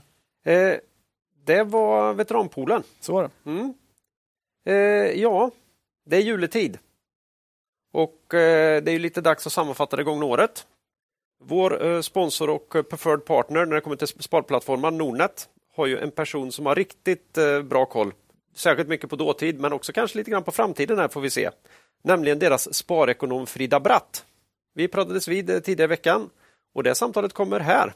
Idag har vi den stora glädjen att ha med oss Nordnets sparekonom Frida Bratt i podden. Välkommen! Tack så mycket! Hur skulle du sammanfatta sparåret 2023? Ja, men fragmenterat skulle jag säga. Att vi har haft liksom eh, flera trender parallellt med varandra. En är ju givetvis den här att centralbankerna har ju haft börshumöret i sin hand förstås. Det har varit liksom tvära kast mellan hopp och förtvivlan för investerare beroende på hur verkar det gå med inflationsbekämpningen för tillfället och när kommer egentligen räntetoppen och det har liksom flyttats fram hela tiden. Men sen parallellt med det så har vi även haft några andra trender som har varit lite mer men AI-hypen exempelvis har vi ju haft som har liksom gått parallellt med det här och sen så har vi också haft, alltså det har ju varit väldigt eh, tveeggat just just att eh, stora bolag har gått väldigt bra. Nu är det här generaliserat och enkelt uttryckt, men stora börsjättar inom verkstad, exempelvis Stockholmsbörsen, har ju gått, ja, de, de har ju gått bra medan mindre bolag eh, ju har varit väldigt, väldigt nedpressade. Så att på det sättet har det ju varit väldigt fragmenterat och ganska svårsammanfattat av den anledningen också. Mm. Eh, vad vi vet är i alla fall vad spararna har valt att eh, äga eller köpa under året. Eh, vad har du att berätta där? Ja, men det där, just den här fragmenteringen tycker jag ju avspeglas lite grann i hur spararna har agerat. För ena sidan så har man ju hakat på det här att just stabila verkstadsjättar med liksom god lönsamhet, eh, eh, eh stabil utdelning och så vidare, de har man ju gärna köpt. Eh, man har ju köpt Investor förstås, men det gör man ju alltid, men också Volvo, SSAB, de här stora jättarna har man ju hakat på. Sen har man också parallellt med det i mångt och mycket köpt ja, men, försökt plocka upp de här forna spararfavoriterna, de som gick så väldigt bra under 2020 och 2021 men som har varit väldigt nedpressade. De har man ju försökt också plocka upp i rasen. Jag tänker exempelvis på Hexatronic har ju varit väldigt köpt eh, trots att det har gått som det har gått för den aktien. Men sen också bolag som man har eh, gillat under en lång tid men kanske ansett vara lite dyra och nu liksom tycker vi sig se att ja, det är lite reaskyltar, Nibe exempelvis. Då. Så att även där är det ju lite parallella trender kan man väl säga. Ja, det har onekligen varit spännande tider. Eh, många av kunderna på Nordnet investerar ju också huvudsakligen i fonder. Eh, vad har du att berätta där? Ja, men då kunde man ju se där i våras att väldigt många hakade ju på det här AI-hypen som ju drog upp techjättarna. Så man vill gärna köpa USA, men också globalfonder och techfonder. Eh, globalfonder kanske framför allt, men det är ju också att ja, där får man ju den här väldigt, väldigt stora exponeringen ju mot de amerikanska techjättarna. Och sen så draghjälpen då som fondspararna ju får av den svaga svenska kronan. Det gjorde ju sitt också, så det kunde vi se under en ganska lång tid att man gärna drog nytta av den svaga svenska kronan och vilja liksom ha den här exponeringen. Sen nu tycker jag under hösten, då har vi kanske kunnat se att man lite mer, kanske en ökad valutamedvetenhet, att man tänker att ja, men nu har ju faktiskt Fed nått eh, räntetoppen, den här dollarförstärkningen, den trenden kanske går mot sitt slut trots allt eh, och då blir ju liksom den här valutaboosten åt motsatt riktning istället. Så att man har börjat titta lite mer på, tycker jag mig se, eh, Sverige och Sverigefonder och kanske börja våga köpa lite småbolag också nu på senaste när vi har sett att det har ljusnat lite grann på börsen. Ja, det har vi ju märkt av. Ja, men precis. Roligt är det. Mycket roligare nu att vara på börsen. Ja, nu händer det verkligen grejer på börsen, inte minst på uh, uppsidan. Eh, men eh, börshandlade produkter då? Vad har hänt där? Ja, där kunde vi se, om man jämför med 2022 så kunde vi ju se då att det fanns en önskan om att vara exponerad mot råvaror med hjälp av börshandlade produkter. Det är ju inte på samma sätt nu då eftersom 2023, men då såg vi att råvarupriserna föll tillbaka eh, ganska brett. Nu har man istället använt börshandlade produkter för att ja, men på något sätt dra nytta av väldigt stora rörelser i enskilda aktier. Alltså vi har sett att Nvidia och, och Tesla har varit väldigt populärt att ligga som underliggande. Så det är liksom enskilda aktieindex, S&P 500, OMXS30 men också Tesla och Nvidia som man har liksom haft som underliggande i de här produkterna. Ja, vi närmar oss årsskiftet här med stormsteg och om vi tittar in i 2024 här skulle det vara bra om du kunde berätta lite vad som eh, kommer hända då. Eh, för då kan jag ju handla lite på det här eh, direkt efter vår intervju tänkte jag. Ja men vad bra, det kommer jag med facit. Ja, nej, såklart, det, det blir ju alltid med brasklappar, eh, så, så, är det ju alltid. Eh, men det är ju trots allt så att det är väldigt, väldigt mycket nu som talar för att räntetoppen, ja, men den har i princip cementerats ju. Eh, nu börjar man ju tala på allvar om flera, ganska många räntesänkningar och är det så att det scenariot slår in eh, och vi inte liksom får besvikelser på vägen eh, vad gäller liksom inflationsbekämpningen eller centralbankens agerande med räntan. Det, men det är klart att då finns det mycket som talar för att just småbolag eh, som har varit nedpressade, alltså räntekänsligt, får en liten comeback. Det är precis det vi har sett den här senaste månaden. Ju. Det finns väl det som talar för att den trenden kanske kan fortsätta då lite grann under 2024 förutsatt att det här scenariot faktiskt blir också då.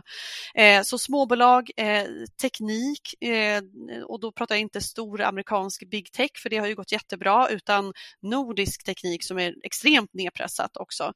Även fastigheter kan ju få en lättnad, men där kan det också vara att agnarna skiljs från vetet lite grann. Eh, det är kanske inte allting som kommer gå bra, men just rent generellt så talar ju just eh, den här tendensen med lägre räntor för de här väldigt nedpressade sektorerna. Så jag tror att 2024 eh, kan bli ett bra börsår, men att det kanske blir lite omvänt då mot 2023 tre just för att verkstadsjättarna har gått jättebra men vi går trots allt in i en lågkonjunktur nu och i förväntningarna tycks det som att man tror att de här ska inte bara klara sig helskinnade genom lågkonjunkturen och sämre tider utan kanske även komma ut bättre på andra sidan. Så det får vi ju se om det verkligen håller. Ja, så slutligen tänkte jag ta upp något annat viktigt här. Du har ju under parollen Återställ ESK-skatten eh, drivit eh, både en kampanj och en namninsamling här under eh, december månad. Varför då? Därför att den behöver återställas, ISK-skatten. Eh, till att börja med så har ju eh, i tidavtalet så utlovades ju eh, skattefritt på de första 300 000 sparkronorna. Det här hade man ju kunnat införa redan. Det finns ju inget som talar liksom emot det. Det går inte att skylla på inflationen. Eh, alltså att uppmuntra ökat sparande, det är ju, det är ju snarare tvärtom. Det kan ju absolut inte beskyllas för att spä på någon inflation. Så det här borde man ju redan ha gjort förstås. Men så som jag tycker så är det ju också så att att eh, skattehöjningarna på ISK som infördes 2016 och 2018, det var då som det här påslaget på statslåneräntan infördes i två omgångar till totalt 1% Det infördes ju med argumentet att räntan är låg och det är den ju inte längre. Nu är vi i ett helt annat läge och och eh, då om man nu vill vara spararnas eh, bästa vän så som många politiker i regeringsunderlaget faktiskt uttalade sig om att man var, eh, då, borde, då behöver man ju agera nu. Så därför tycker jag att ISK-skatten måste återställas och det har varit ett otroligt gensvar i den här namninsamlingen så att det är väldigt många sparare som håller med och det är sparare liksom över hela landet. Det är så här, från Kiruna till Skanör så har vi eh, eh, sparare som har skrivit på. Så det är väldigt så här, brett eh, stöd för det här. Så jag hoppas att eh, eh, det här kan sätta lite press på politikerna att faktiskt agera på sina vallöften. Nej, det här har ju inte bara varit en väldigt eh, tydlig och bra kampanj utan eh, ni har ju också gjort den eh, med rejält med glimten i ögat. Eh, rekommenderar alla lyssnare att gå in och titta till det här på era sociala medier om man eh, till äventyrs har missat detta. Ja, det får man jättegärna göra och som sagt, det är precis som du säger, det är lite med glimten i ögat och det behöver man kanske göra ibland så att budskap faktiskt går igenom också. Ja, med det så får vi tacka dig Frida och eh, Nordnet eh, och önska er och era kunder en god jul och ett gott nytt år. God jul! Gott nytt år! Tack säger vi till Frida och eh, tack Nordnet. Nu då? Ja. VBG. Eh, lite av eh, avsnittets höjdpunkt får man ändå säga va? Ja, kan vara. Mm. Kan vara. Mm. Ja, det hoppas vi. Eh, vi bokade in den här intervjun redan i månadsskiftet september-oktober någonstans. Och sen dess har både bolaget och aktien gått riktigt bra. Så det känns väl som ett bra läge här nu att få höra vad VBG Groups VD Anders Erkén har för tankar om bolaget. Både nu och framåt. Då. Det har ju kanske inte en slump då att de var ju med här i avsnitt 155 och vi tog ut dem i Bayern Hold 156. Det var nog mer slump i det då. Eh, och eh, vi spelade in den här intervjun på distans. Så Och tyvärr så lyckades ju vår värdelösa teknikansvarig då tappa bort Anders originalljud i cyberspace. Får jag tag på den där teknikansvarige då jäklar alltså. ja, så är det. Eh, och eh, som tur är så finns det ju en backup då från själva videomötet mm. som gick att rädda. Så det går utmärkt att höra vad Anders har att förtälja, även om hans eh, underbart trygga dialekt kanske inte riktigt kommer till sin fulla rätt nu då. Så med det sagt så är det väl bara att köra igång intervjun. Mycket nöje! Idag har vi den stora glädjen att ha med oss Anders Erkén, VD och koncernchef på VBG Group. Välkommen till podden! Tack så hjärtligt! Eh, för de eh, lyssnare som eventuellt inte känner till VBG Group så bra, hur skulle du vilja beskriva företaget? Ja, VBG Group är ett eh, välskött, en välskött balanserad industrikoncern som är organiserade i tre divisioner med global spridning. Vi har eh, bolag i 16 länder och eh, säljer på ett ytterligare 50-tal och eh, vi taktar nu en försäljning på 5,5 miljarder. Mm. Men det intressanta med det här bolaget är att vi jobbar i selekterade industriella nischer med väldigt starka varumärken. Och vi äger våra varumärken, vi designar och äger konstruktionen och eh, vi äger till stor del vår eh, vårt värdeskapande i produktionen. Och eh, vi är organiserade i, i, numera i tre divisioner. Truck and Trailer Equipment som eh, står för de eh, kopplingarna som är välkänt för tunga fordon. Eh, skjutbara tak för semitrailers och våra automatiska snökedjor. Mobile Thermal Solution det är klimatsystem för bussar, nyttofordon och fordon som är eh, konstruerade för att gå offroad. Och, och ett bra exempel är de här eh, tvåsitsiga terrängfordonen i, i, som används huvudsakligen i Nordamerika som eh, riktigt boomar. Sen är det skogsmaskiner och gruvtruckar och så vidare. Sista eh, tredje divisionen det är eh, vad vi kallar ringfeder power transmission och det, det är inriktat på industrikomponenter och med en kärna i det här med mekanisk kraftöverföring, alltså från axel till axel eller axel med avkopplingar i industriella applikationer. Det som är kännetecknande skulle jag vilja säga för, för eh, VBG Group, eh, eh, jag skulle vilja säga långsiktighet är ett ledord med en, en decentraliserad organisation som verkar eh, nära kund i, i de lokala marknaderna. Jag har en liten käpphäst när, när många frågar mig vad, vad är VBG Group? Och, och, jag vill poängtera att det är inte bara släpvagnskopplingsbolaget från Vänersborg Alltså det, det, är ursprunget som, från 1951 som är väldigt, väldigt stolta för. Men det står, eh, kopplingsverksamheten står nu med endast för, för 25 procent av omsättningen. Mm. Och eh, jag tror att det är en klar missuppfattning att vi är en underleverantör till Volvo och Scania. Eh, monteringslinjerna. Eh, men eh, det står endast för drygt 2 av koncernens omsättning. Men summa summarum en, en välskött balanserad industrikoncern eh, med global spridning. Man hör ganska ofta att om, om, om vi knyter tillbaks till det du sa där om, om eh, kopplingen till underleverantör Volvo Scania och att det står för en väldigt liten. Man hör ofta att ja men eh, VBGs kunder är ju lågt värderade och, och, och, och, så. Men, men, eh, då är ju den kopplingen, den haltar ju lite då. Eh, om det nu inte är mer än så. Nej, alltså det, jag förstår att, att eh, många tror och, och jag kommer tillbaks till det här säkert till förvärvet av eh, MCC, numera Mobile Thermal Solutions. Alltså det, vi, vi var mer cykliska då eh, innan förvärvet november 2016 och, och Eh, vi kanske har varit lite dåliga nu på senare tid att, att kommunicera att vi, vi är ett helt annat bolag efter det här förvärvet med tre fullt fungerande divisioner men, men eh, vi har eh, gemensamma nämnare också i bolaget. Mm. Vi, vi, ska strax komma tillbaka till det här förvärvet men eh, du tillträdde ju här som eh, VD den 1 januari i år. Eh, men du har ju varit på bolaget betydligt längre än så. Vad, hur är din bakgrund?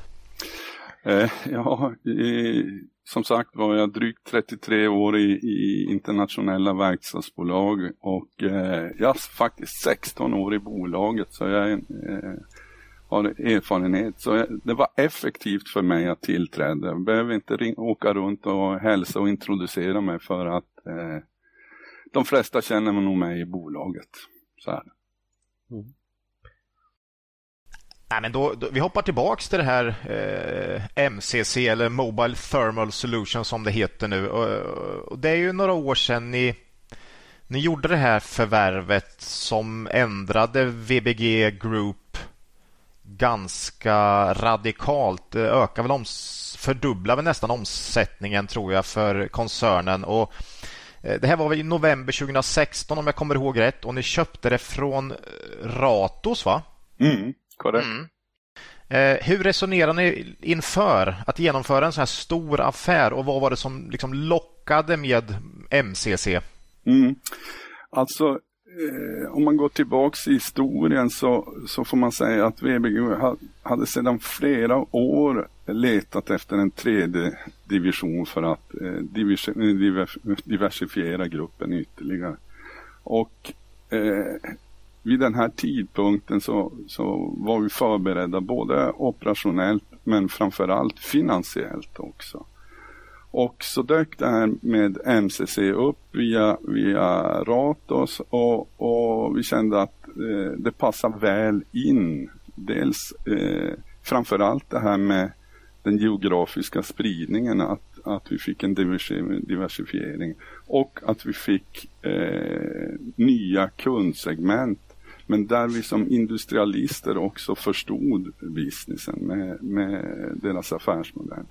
Jag menar, eh, på den tiden innan 2016 så, så var eh, vårt beroende av Europa extremt stort.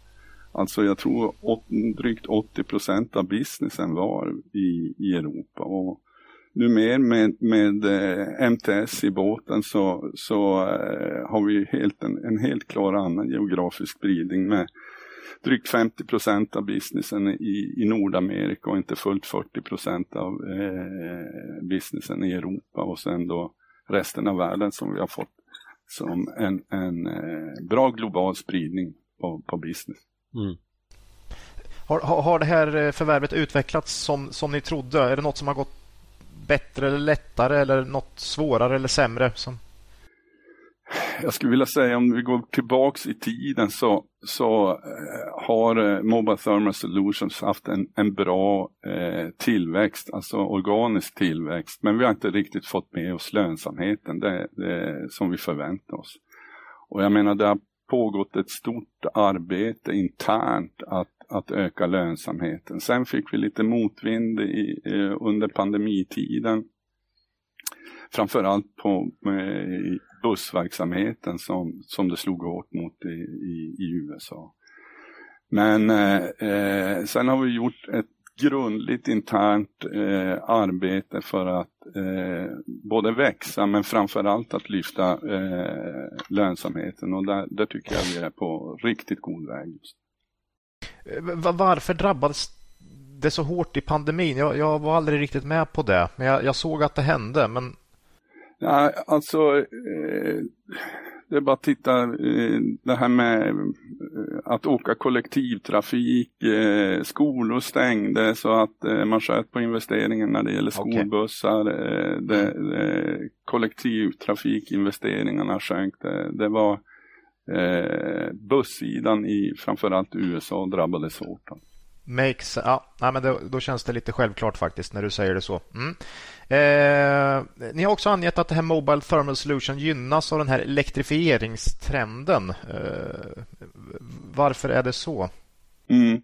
Och det, det, det, är också en grund för, för det här tredje benet. Alltså det var intressant för man redan då eh, 2016 så låg man i framkant när det gäller utvecklingen av Eh, klimatsystem för elektriska drivlinor i kommersiella fordon och eh, det, det, har drivits väldigt mycket av, av eh, det här kollektivbussegmentet eh, eh, i USA. Så att man, man låg på framkant när det gäller elektrifieringen där. Om man, om man ska eh, gå i grund utan att bli alltför teknisk, alltså i, när det gäller varför gynnas då MTS av elektrifieringen. Och där, jag, jag brukar förklara det som så här att eh, går du från en, en konventionell förbränningsmotor till en elektrisk så, så är det fler komponenter och en helt annan styrning av det elektriska klimatsystemet. Vilket då leder till att du, du får ett högre försäljningspris och en bättre lö, eh, lönsamhet per sådant system eh, i ditt värdeskap. Det här affärsområdet hade ju en väldigt stark utveckling under Q3 också. Omsättningsökning 52,2 procent. Vad berodde på att man fick så väldigt, väldigt fin utväxling och hur, hur ser det ut framåt? Vad ser ni för potential eller finns det liksom engångsposter i det här?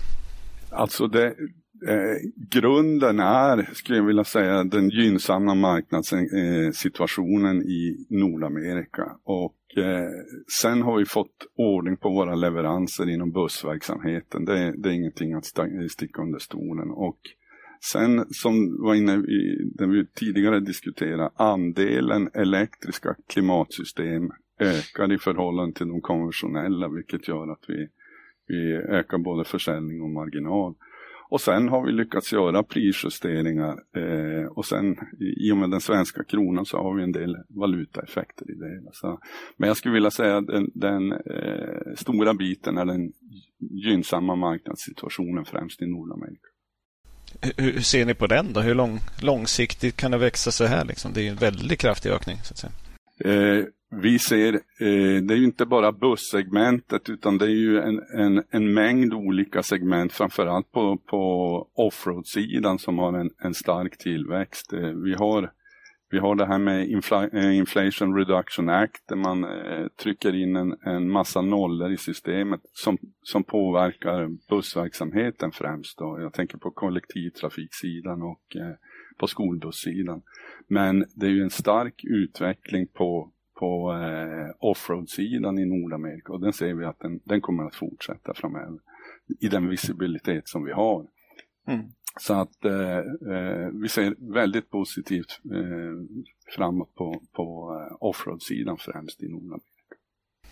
Man har även lyckats höja marginalerna från 7,8 till 11,2 under första nio månaderna. Här. Ni pratar om att det är bussverksamheten bland annat som har bidragit med, med förbättrade marginaler. Så är det här liksom en långsiktigt hållbar nivå för det här affärsområdet tror ni?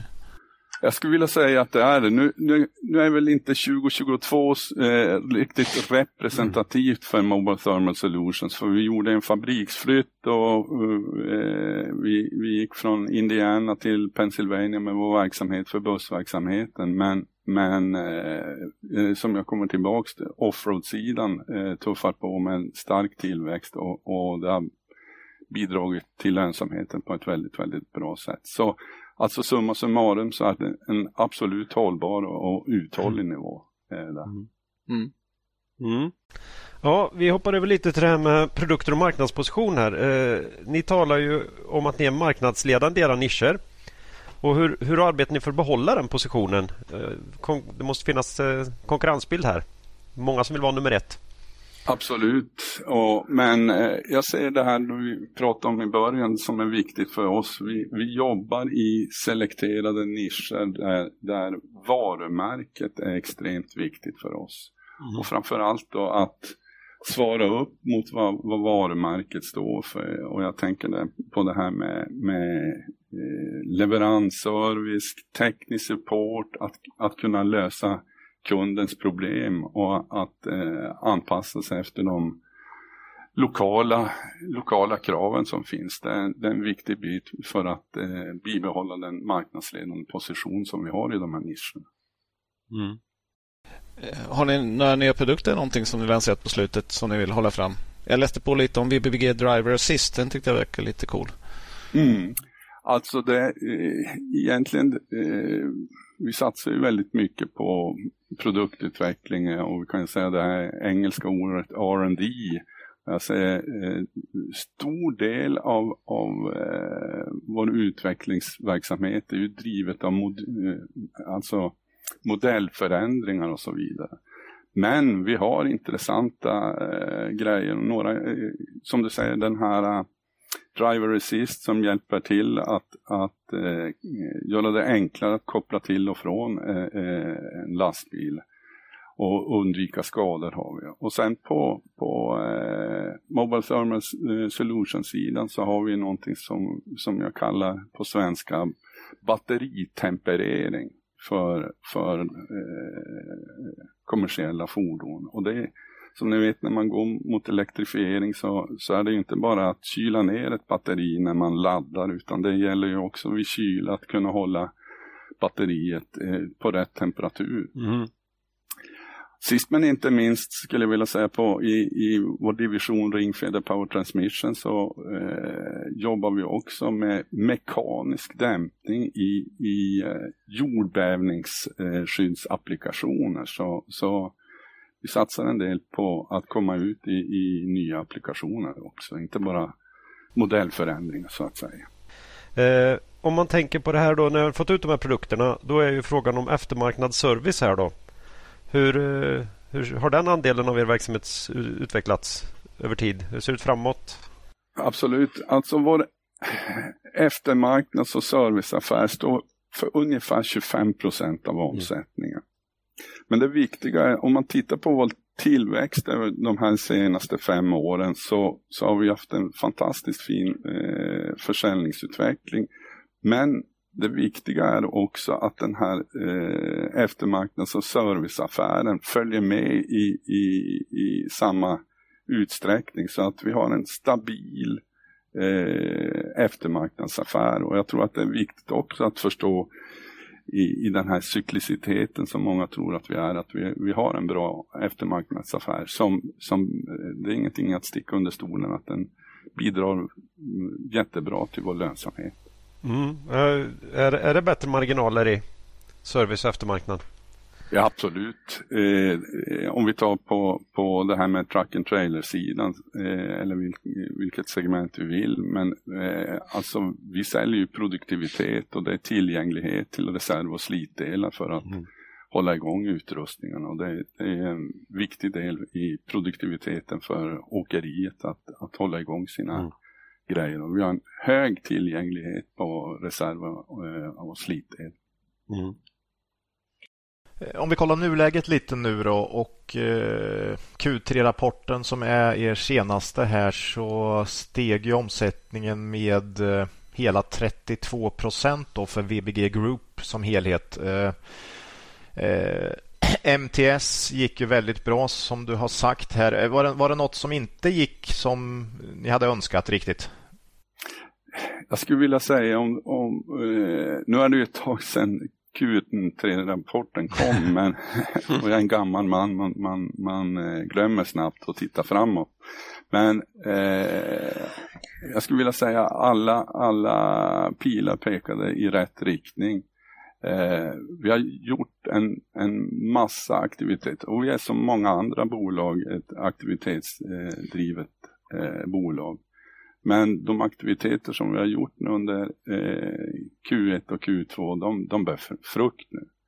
Eh, sen kan man säga, vi, vi håller på att konsolidera verksamheten för Ringfeder Power Transmission i, i USA där vi går från tre enheter till att konsolidera till ett. Och, och eh, jag är tidsoptimist. Jag, det, det, tar nog några veckor eller någon månad längre tid innan vi har full effekt. Men absolut att det, det kunde ha gjorts snabbare. Men annars skulle jag vilja säga att vi har, vi har haft ett, ett eh, fantastiskt Q3 och vi ser mm. framåt med, med tillförsikt.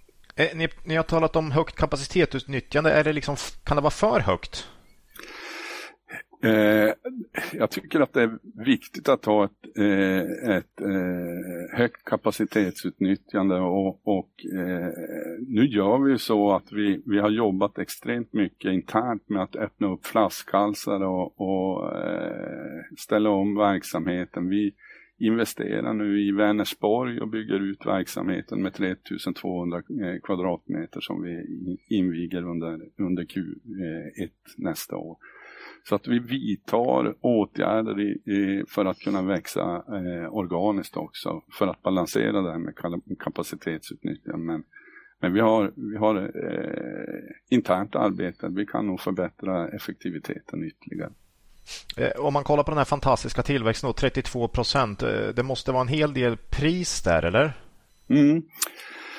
Eh, de här 32 procenten delar jag upp i, i tre bitar. Eh, det viktigaste är ju eh, ren volym och det kan vi säga det är 18 procent volym i det hela. Mycket drivet av den nordamerikanska marknaden. Sen mm. har vi en priskomponent på, på 7 procent i det hela, i den takten. Och så har vi en valutaeffekt också som vi kommunicerar på 7 procent. Så 18 procent volym och 7 procent pris i det hela. Ja, det är, det är starkt. Eh, eh, eh, eh, ser du fortsatt behov av prishöjningar? Kom, ja, ni, ni höjer väl alltid priserna successivt, men, men är, är det liksom något riktigt tryck där som det har varit nu sista åren?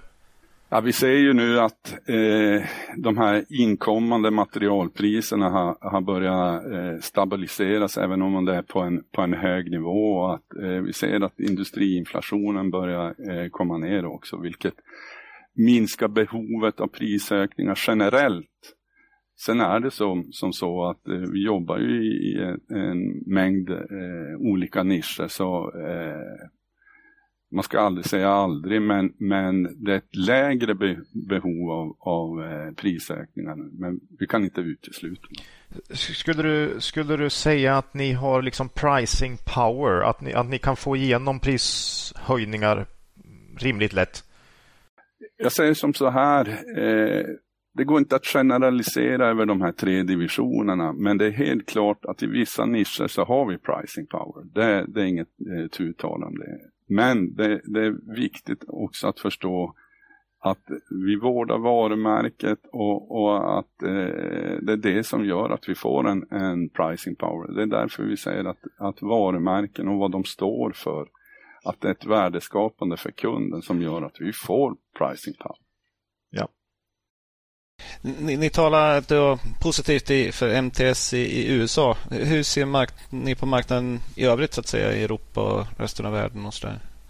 och det får jag säga, eh, alltså eh, med drygt 30 år eh, erfarenhet i internationella verksamheter så eh, är en klart dimmig bild av, av eh, framtiden. Alltså den är, den är mer oviss än, än någonsin på grund av de geopolitiska spänningarna och den makroekonomiska situationen.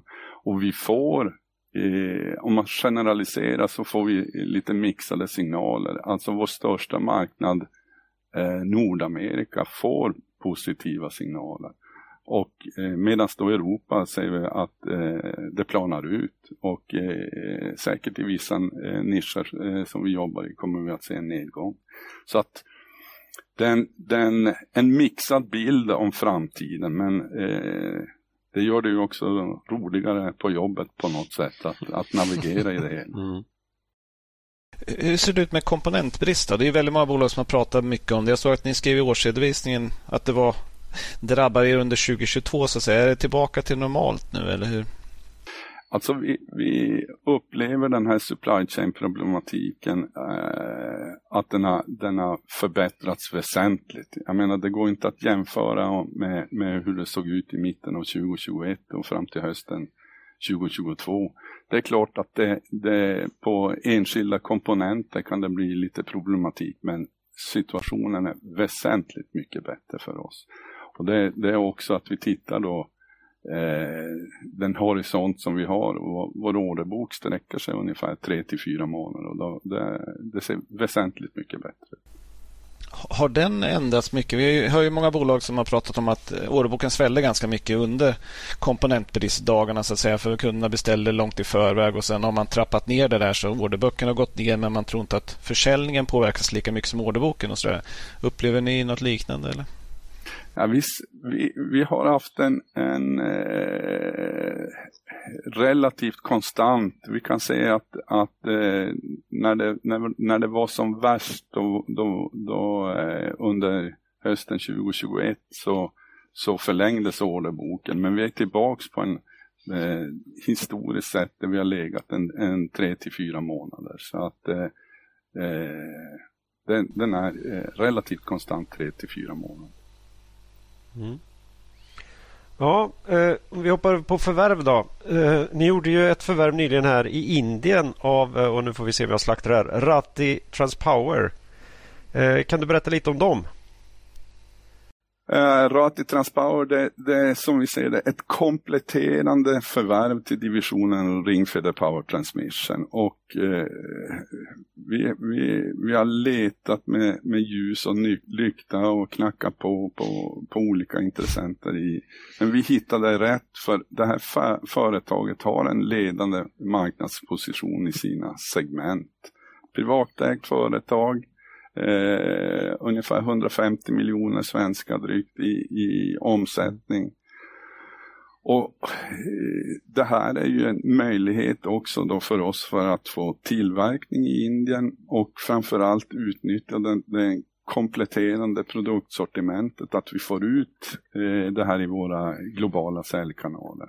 Mm. Sen ser jag ju Indien som en, en framtidsmarknad, alltså det, det är en jämn och stabil eh, BNP-tillväxt och stora investeringar i infrastruktur. Och, och, som ett exempel, jag reste en del, och, alltså man bygger nästan 40 kilometer motorväg per dygn.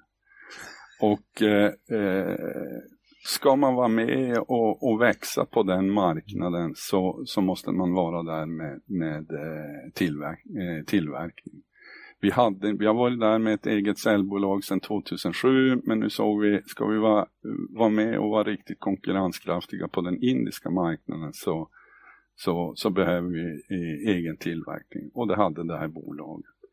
Och dessutom som grädde på moset så, så har de ett eh, bra produkterbjudande som vi ser att vi har, hade ett gap i och eh, det kan vi ta ut i våra glo, eh, globala säljkanaler. Så att eh, det här ser vi som en, en, en eh, ett förvärv som, som vi, VBG Group kommer att fortsätta med i eh, en liten nisch men en, en spelare som, som vi kan ta ut på den globala marknaden. Mm. Det är intressant. Ni pratar ju alltid om det att ni, ni ja, era produkter ska vara marknadsledande och även era förvärv eh, ska ha ledande marknadsposition. Då. Eh, hur, det är en tvådelad fråga då. Egentligen, ja, men du svarar på hur att passar in det, men är inte det att binda lite ris för egen rygg? Är inte det väldigt, väldigt svårt? Är det inte bättre att köpa något som är lite, lite kanske tvåa, trea och sen lyfta det till första position? Ja, det är en bra diskussion alltså. Eh, det, det, vi säger till marknadsledarna att förmågan att bli marknadsledare, så är vi lite öppna för det, mm. absolut. Mm. Men eh, vad vi, eh, jag tycker att vi har haft en, en, och där vi visar med siffrorna, att vi har haft en stabil organisk tillväxt. Och, och som ni ser i, i Q3-rapporten, vi, vi har ett jättebra kassaflöde och, och vi har en eh, enormt stark balansräkning nu som vi är i princip skuldfria. Eh, vilket ger oss ett manöverutrymme och vi kan förbättra vår förvärvstakt. Det, det, det är inget tur tal om det. Och, och, vi har som mål nu när vi går framåt att vi ska göra en, eh, en till tre kompletterande förvärv årligen och eh, eh, med en omsättning på kanske 150 eh, till 500 miljoner per förvärv. Det måste vi i, göra eh, för att hålla den här målsättningen om en eh, 10 i tillväxt per år över en, en femårsperiod. Mm. Ja, det låter ju verkligen bra. Man, ni, ni har gjort ganska få, men ni verkar ju ni köper inte för köpandets skull utan ni har köpt för att det verkligen har passat in och känts bra. Men, men eh, ska man ha en hög takt och, och samtidigt hålla den kvaliteten så gäller det att man har en väldigt bra process, eh, känns det som. Eh, hoppas ni kan få till det, för balansräkningen har ni ju såklart, utan det är kanske snarare att man, man, man får deal flow, så att säga. Om jag får fortsätta på din eh, engelska kan jag säga vi har, vi har varit picky alltså när det gäller det här. Och jag, vi, vi, kommer, vi kommer också att vara eh, picky i framtiden. Eh, och det, det, är klart, vi har en process, eh, eh, vi jobbar intensivt men, men vi gör det med urskiljning. Vi, vi hoppar inte på eh, vad som helst utan det, det ska passa in i ba, mm, bolaget och och det ska ha en bra, bra marknadsposition. Det, det, det är så vi ser på framtiden när det gäller förvärv. Hoppas ni får till både kvalitet och kvantitet på förvärven eh, framåt. Då. Eh, eh, finns det tänkbara objekt där ute nu och har liksom prisbilden förändrats på den onoterade marknaden tycker ni? Alltså vi ser att det finns möjligheter där ute och, och, men om jag kommer tillbaka till det vi tidigare diskuterade, vi vill ju alltså diskutera direkt med ägarna. Eh, det tar tid för oss och vi vill, vi vill inte gå genom de här auktionsprocesserna eh, och, och det gör när man knackar dörr att det, det, tar lite längre tid. Men absolut att det finns bolag där ute med starka varumärken i ledinga, ledande positioner. Eh, så att eh, men summa summarum, vi är ute efter de här eh, bolagen som vi kan, om de inte är så kan vi, vi få upp lönsamhet. För lönsamhet är, är eh, ett DNA i VBG Group. Så det, det är det eh, som spelar in också i i vår förvärvsprocess. Eh, en fråga till angående förvärv där då, sista. Eh, varför ska de sälja till VBG Group?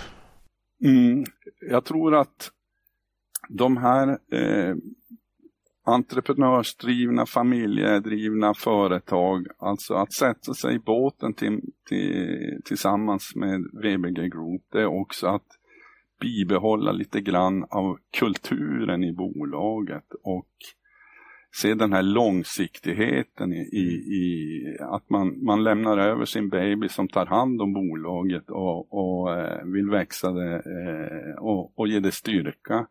Och det är lite grann eh, som vi kom in på, många av de här jobbar ju på lokala marknader men att få ut de här bolagen i våra globala säljkanaler, det upplever många av de här entreprenörerna som ett väldigt plus. Plus alltså kulturen. Vi har fötterna på jorden och är aktivitetsdrivna med, med en, go en, god kultur i bolag. Hur, hur, arbetar ni för att få dem att stanna i bolagen så att säga? Eh, har ni någon sorts earnout-struktur eller vad, vad tänker ni där? Vi, vi har en blandning beror helt och hållet på bolaget alltså och vad, vad ägaren vill. Men eh, i de senaste fa eh, fallen som vi har genomfört så, så eh, är det ju faktiskt att vi har haft en eh, Örnat-komponent i det hela. Men i några som vi har gjort eh, eh, sådana här carve-out så, så har vi bara köpt tillgångarna runt det hela. Så att den, den blandning beroende, från, det är lite grann fall från fall till fall. Du, du, nämnde det här med, med finansiella mål. Ni, ni, har ju en målsättning på att växa 10 eh, om året, 5% organiskt och 5% förvärv. Är det här liksom, är det rimlig nivå att, att, att ligga på den? Ja, det är, alltså styrelsen har ju satt upp de här målen och det är klart att eh, det är viktigt att sätta tuffa krav på en organisation. Och, och om man tittar tillbaks, vi gillar ju att titta i femårscykler alltså och, och vi har haft en organisk tillväxt på 9,4 procent. Om du valutajusterar det så är det ju någonstans mellan 6 och 7, närmare 7 och med ett litet eh, förvärv. Så att vi ser att vi har möjligheten eh, men det, det som ni är inne på, vi ska hitta de rätta förvärven för att nå de här valutajusterat eh, 10 procent per år. När det gäller marginalmålen så är det också en, en, ett tufft mål, men som jag säger, det är lite grann av DNA i, i, i VBG Group, det, det, är lönsamhet och lönsamhetsmålen. Och jag tycker att vi har visat nu under eh, de sista kvartalen att vi är och nosar på målsättningen. Q3 eh, kom vi till och med över målsättningen på 15 procents ebitda-marginal. Och vi ser rullande eh, 12 är vi på drygt 14 och, och eh, de nio första månaderna har vi nått eh, 14,7 så att Absolut att vi, vi kan göra det och, och vi har en mängd initierade åtgärder som, och aktiviteter som, som eh, vi börjar se effekt nu så att vi, vi närmar oss målet med stormsteg skulle jag vilja säga. Och, och, det är främst tänker jag MTS som har ökat sina marginaler. Så att säga. Det är ganska höga marginaler i affärsområdena i övrigt. Så att säga. Så det är främst därifrån man, man kan vidta åtgärder för att komma upp till målet på 15 procent ebitda. Eller? Mm, jag skulle vilja säga att eh, Ringfeder Power Transmission och Truck and Trailer Equipment har, har ju, ju fortsatt sin, sin makalösa resa, eh, både när det gäller eh, tillväxt och, och, lönsamhet.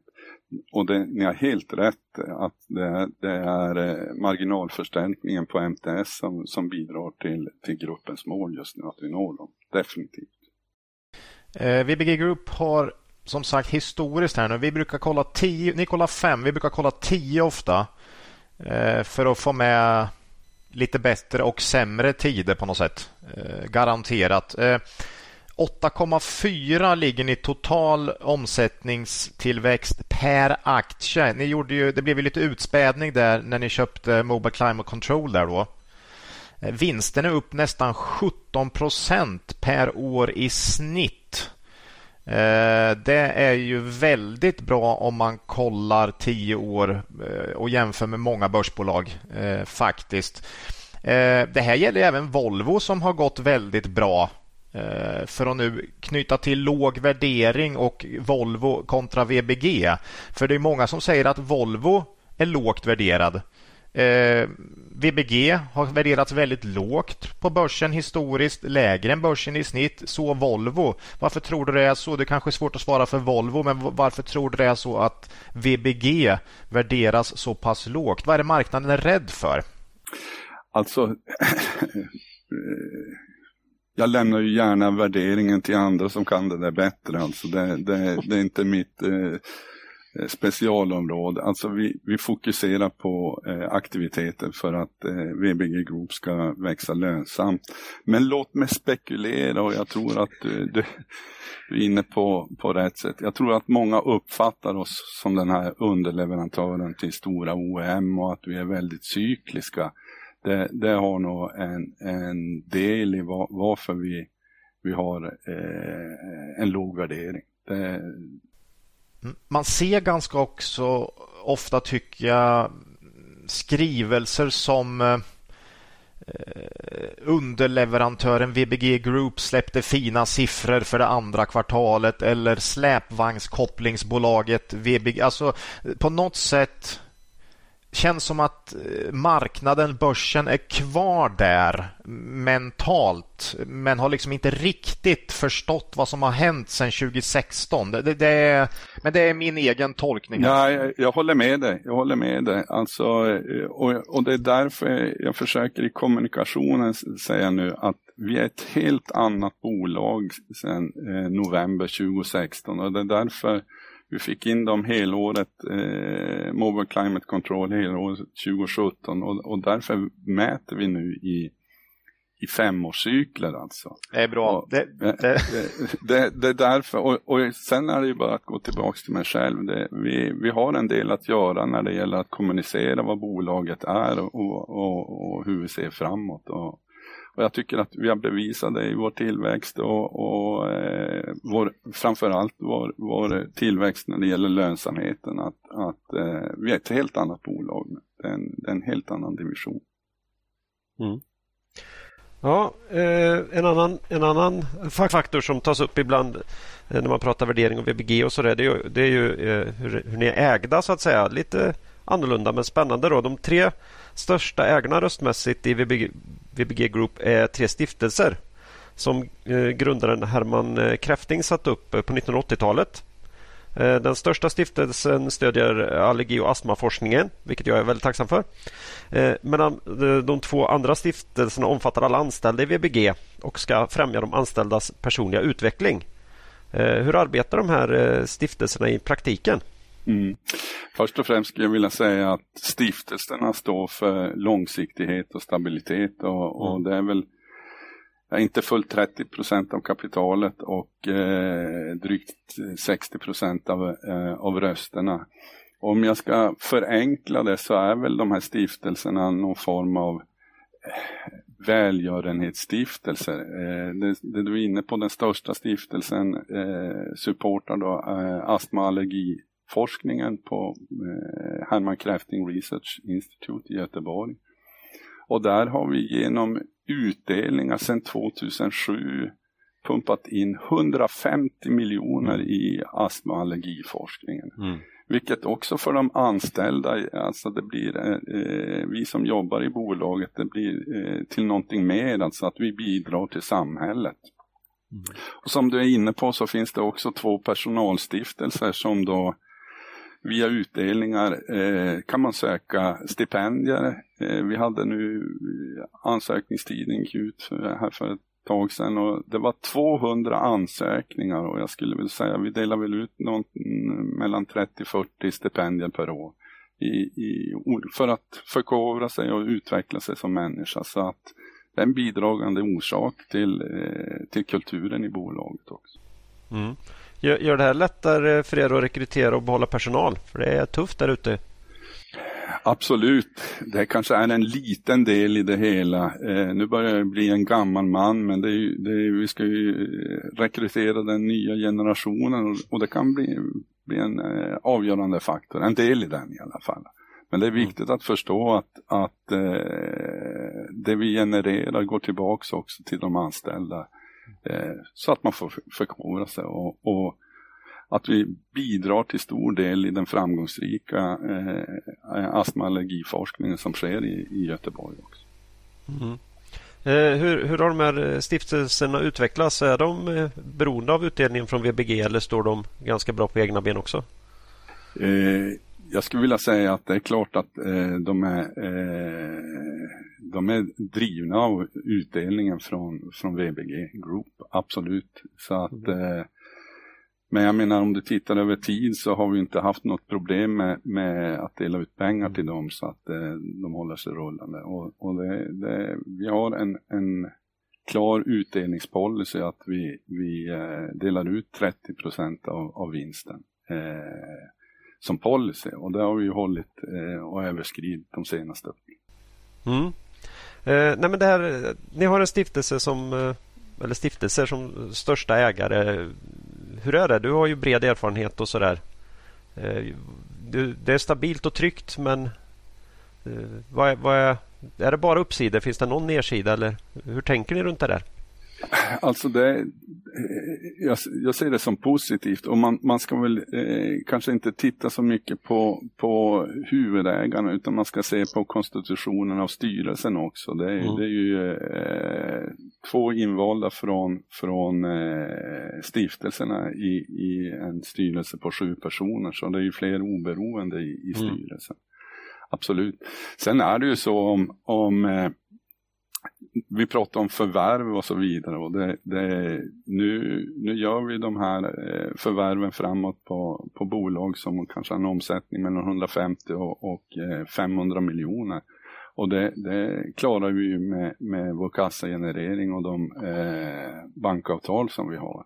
Mm. Men skulle det komma till att vi skulle gå till något större där det krävs emissioner och så vidare. Det, det, eh, det, det kan ju vara en negativ sida. Vi kan inte eh, springa på eh, hur stora förvärv som helst. Alltså för, eh, det är ju en, en långsiktighet som eh, eh Herman Kräfting hade som skapade bolaget. Att, att det ska finnas en röstmajoritet av, av eh, stiftelserna.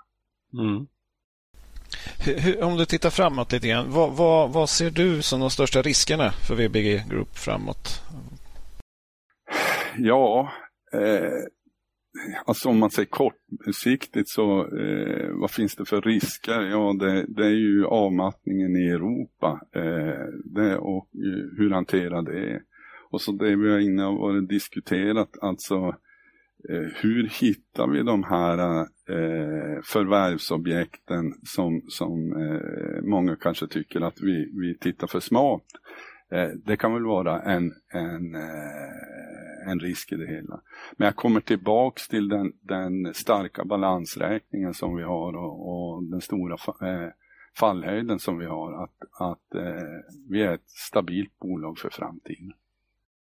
Ja, vad ser du, om vi blickar in i 2024, det är ju snart nytt år här. Vad ser du själv mest fram emot under det kommande året?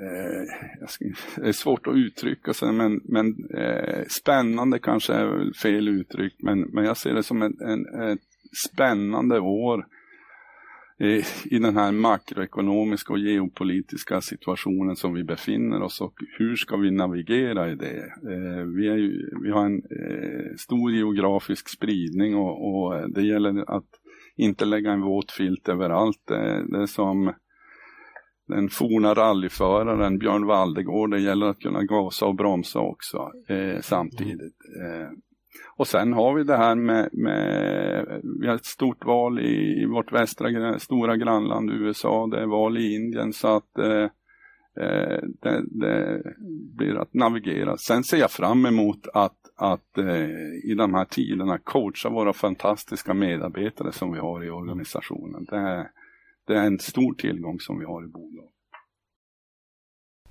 Ja, Eh, vi börjar ju närma oss eh, slutet för den här eh, intervjun. här. Har du något du tänker vi har missat här? Något alldeles uppenbart som vi borde haft med när vi pratar VBG Group? Nej, det tycker jag inte. Jag, jag tycker att vi har fått fram en, en bra bild hur bolaget har förändrats sedan 2016 och, och att eh, vi har bevisat att vi, vi lever upp till eh, en del av de, de målsättningar som vi har. Och jag skulle vilja säga alla att vi har en bra tillväxt men framförallt en extremt god lönsamhet. Vi har en, vi har en eh, stark balansräkning som ger oss ett, ett eh, manöverutrymme för att kunna leva upp till målen i framtiden. Och att vi, vi, vi är ett stabilt bolag och ett eh, välskött bolag för framtiden. Mm. Härligt. Ja, men eh, då tackar vi dig Anders och önskar dig och eh, ja, alla de anställda och hela VBG Group ett eh, riktigt gott 2024. Tack till er också. Gott eh, nytt år eh, och får vi se vad som händer under 2024. Ja, tack säger vi än en gång till Anders och VBG och hoppas att ni får en riktigt skönt och välförtjänt julledighet. Sa vi när själva intervjun gjordes? Det gjorde vi inte. Nej. Det kan också bero på att vi inte kommer ihåg exakt vilket datum det var. Nej. Kan det vara kanske tre veckor sedan? Ungefär. Eh, ja. Vi närmar oss slutet för det här poddavsnittet. Eh, nästa avsnitt är nummer 158, kommer ut torsdag den 4 januari. Och det är ett, ytterligare ett intervjuavsnitt med Aligos VD Klein Johansson Ulle, Ullenvik. Och lite lyssnarfrågor där också. Mm. Ja. Så. Eh, man kan mejla oss på kontaktet kvalitetsaktiepodden.se eller kommentera på X eller på vår hemsida kvalitetsaktiepodden.se. Jaha, slutligen då, har ni någon riktig makro eller TA värd att ta upp idag? Nej, men vi måste väl eh, avgöra tävlingen va? Ja, det får vi eller, nästan det göra. Igen, men vi kanske berättar hur det gick. Hur det gick, ja. Eh, ja, vi tävlar ut lite underkläder från Björn Borg då, i senaste avsnittet. Och Så här var det, att eh, podden fanns ju tillgänglig här för hugade lyssnare 21 minuter efter midnatt. På natten till den 7 december. Och eh, två timmar in i avsnittet då släpper vi tävlingen och berättar att det är först till kvarn som gäller. Klockan 02.55 Oj, det får är, vi in eh, första vinnarmejlet här.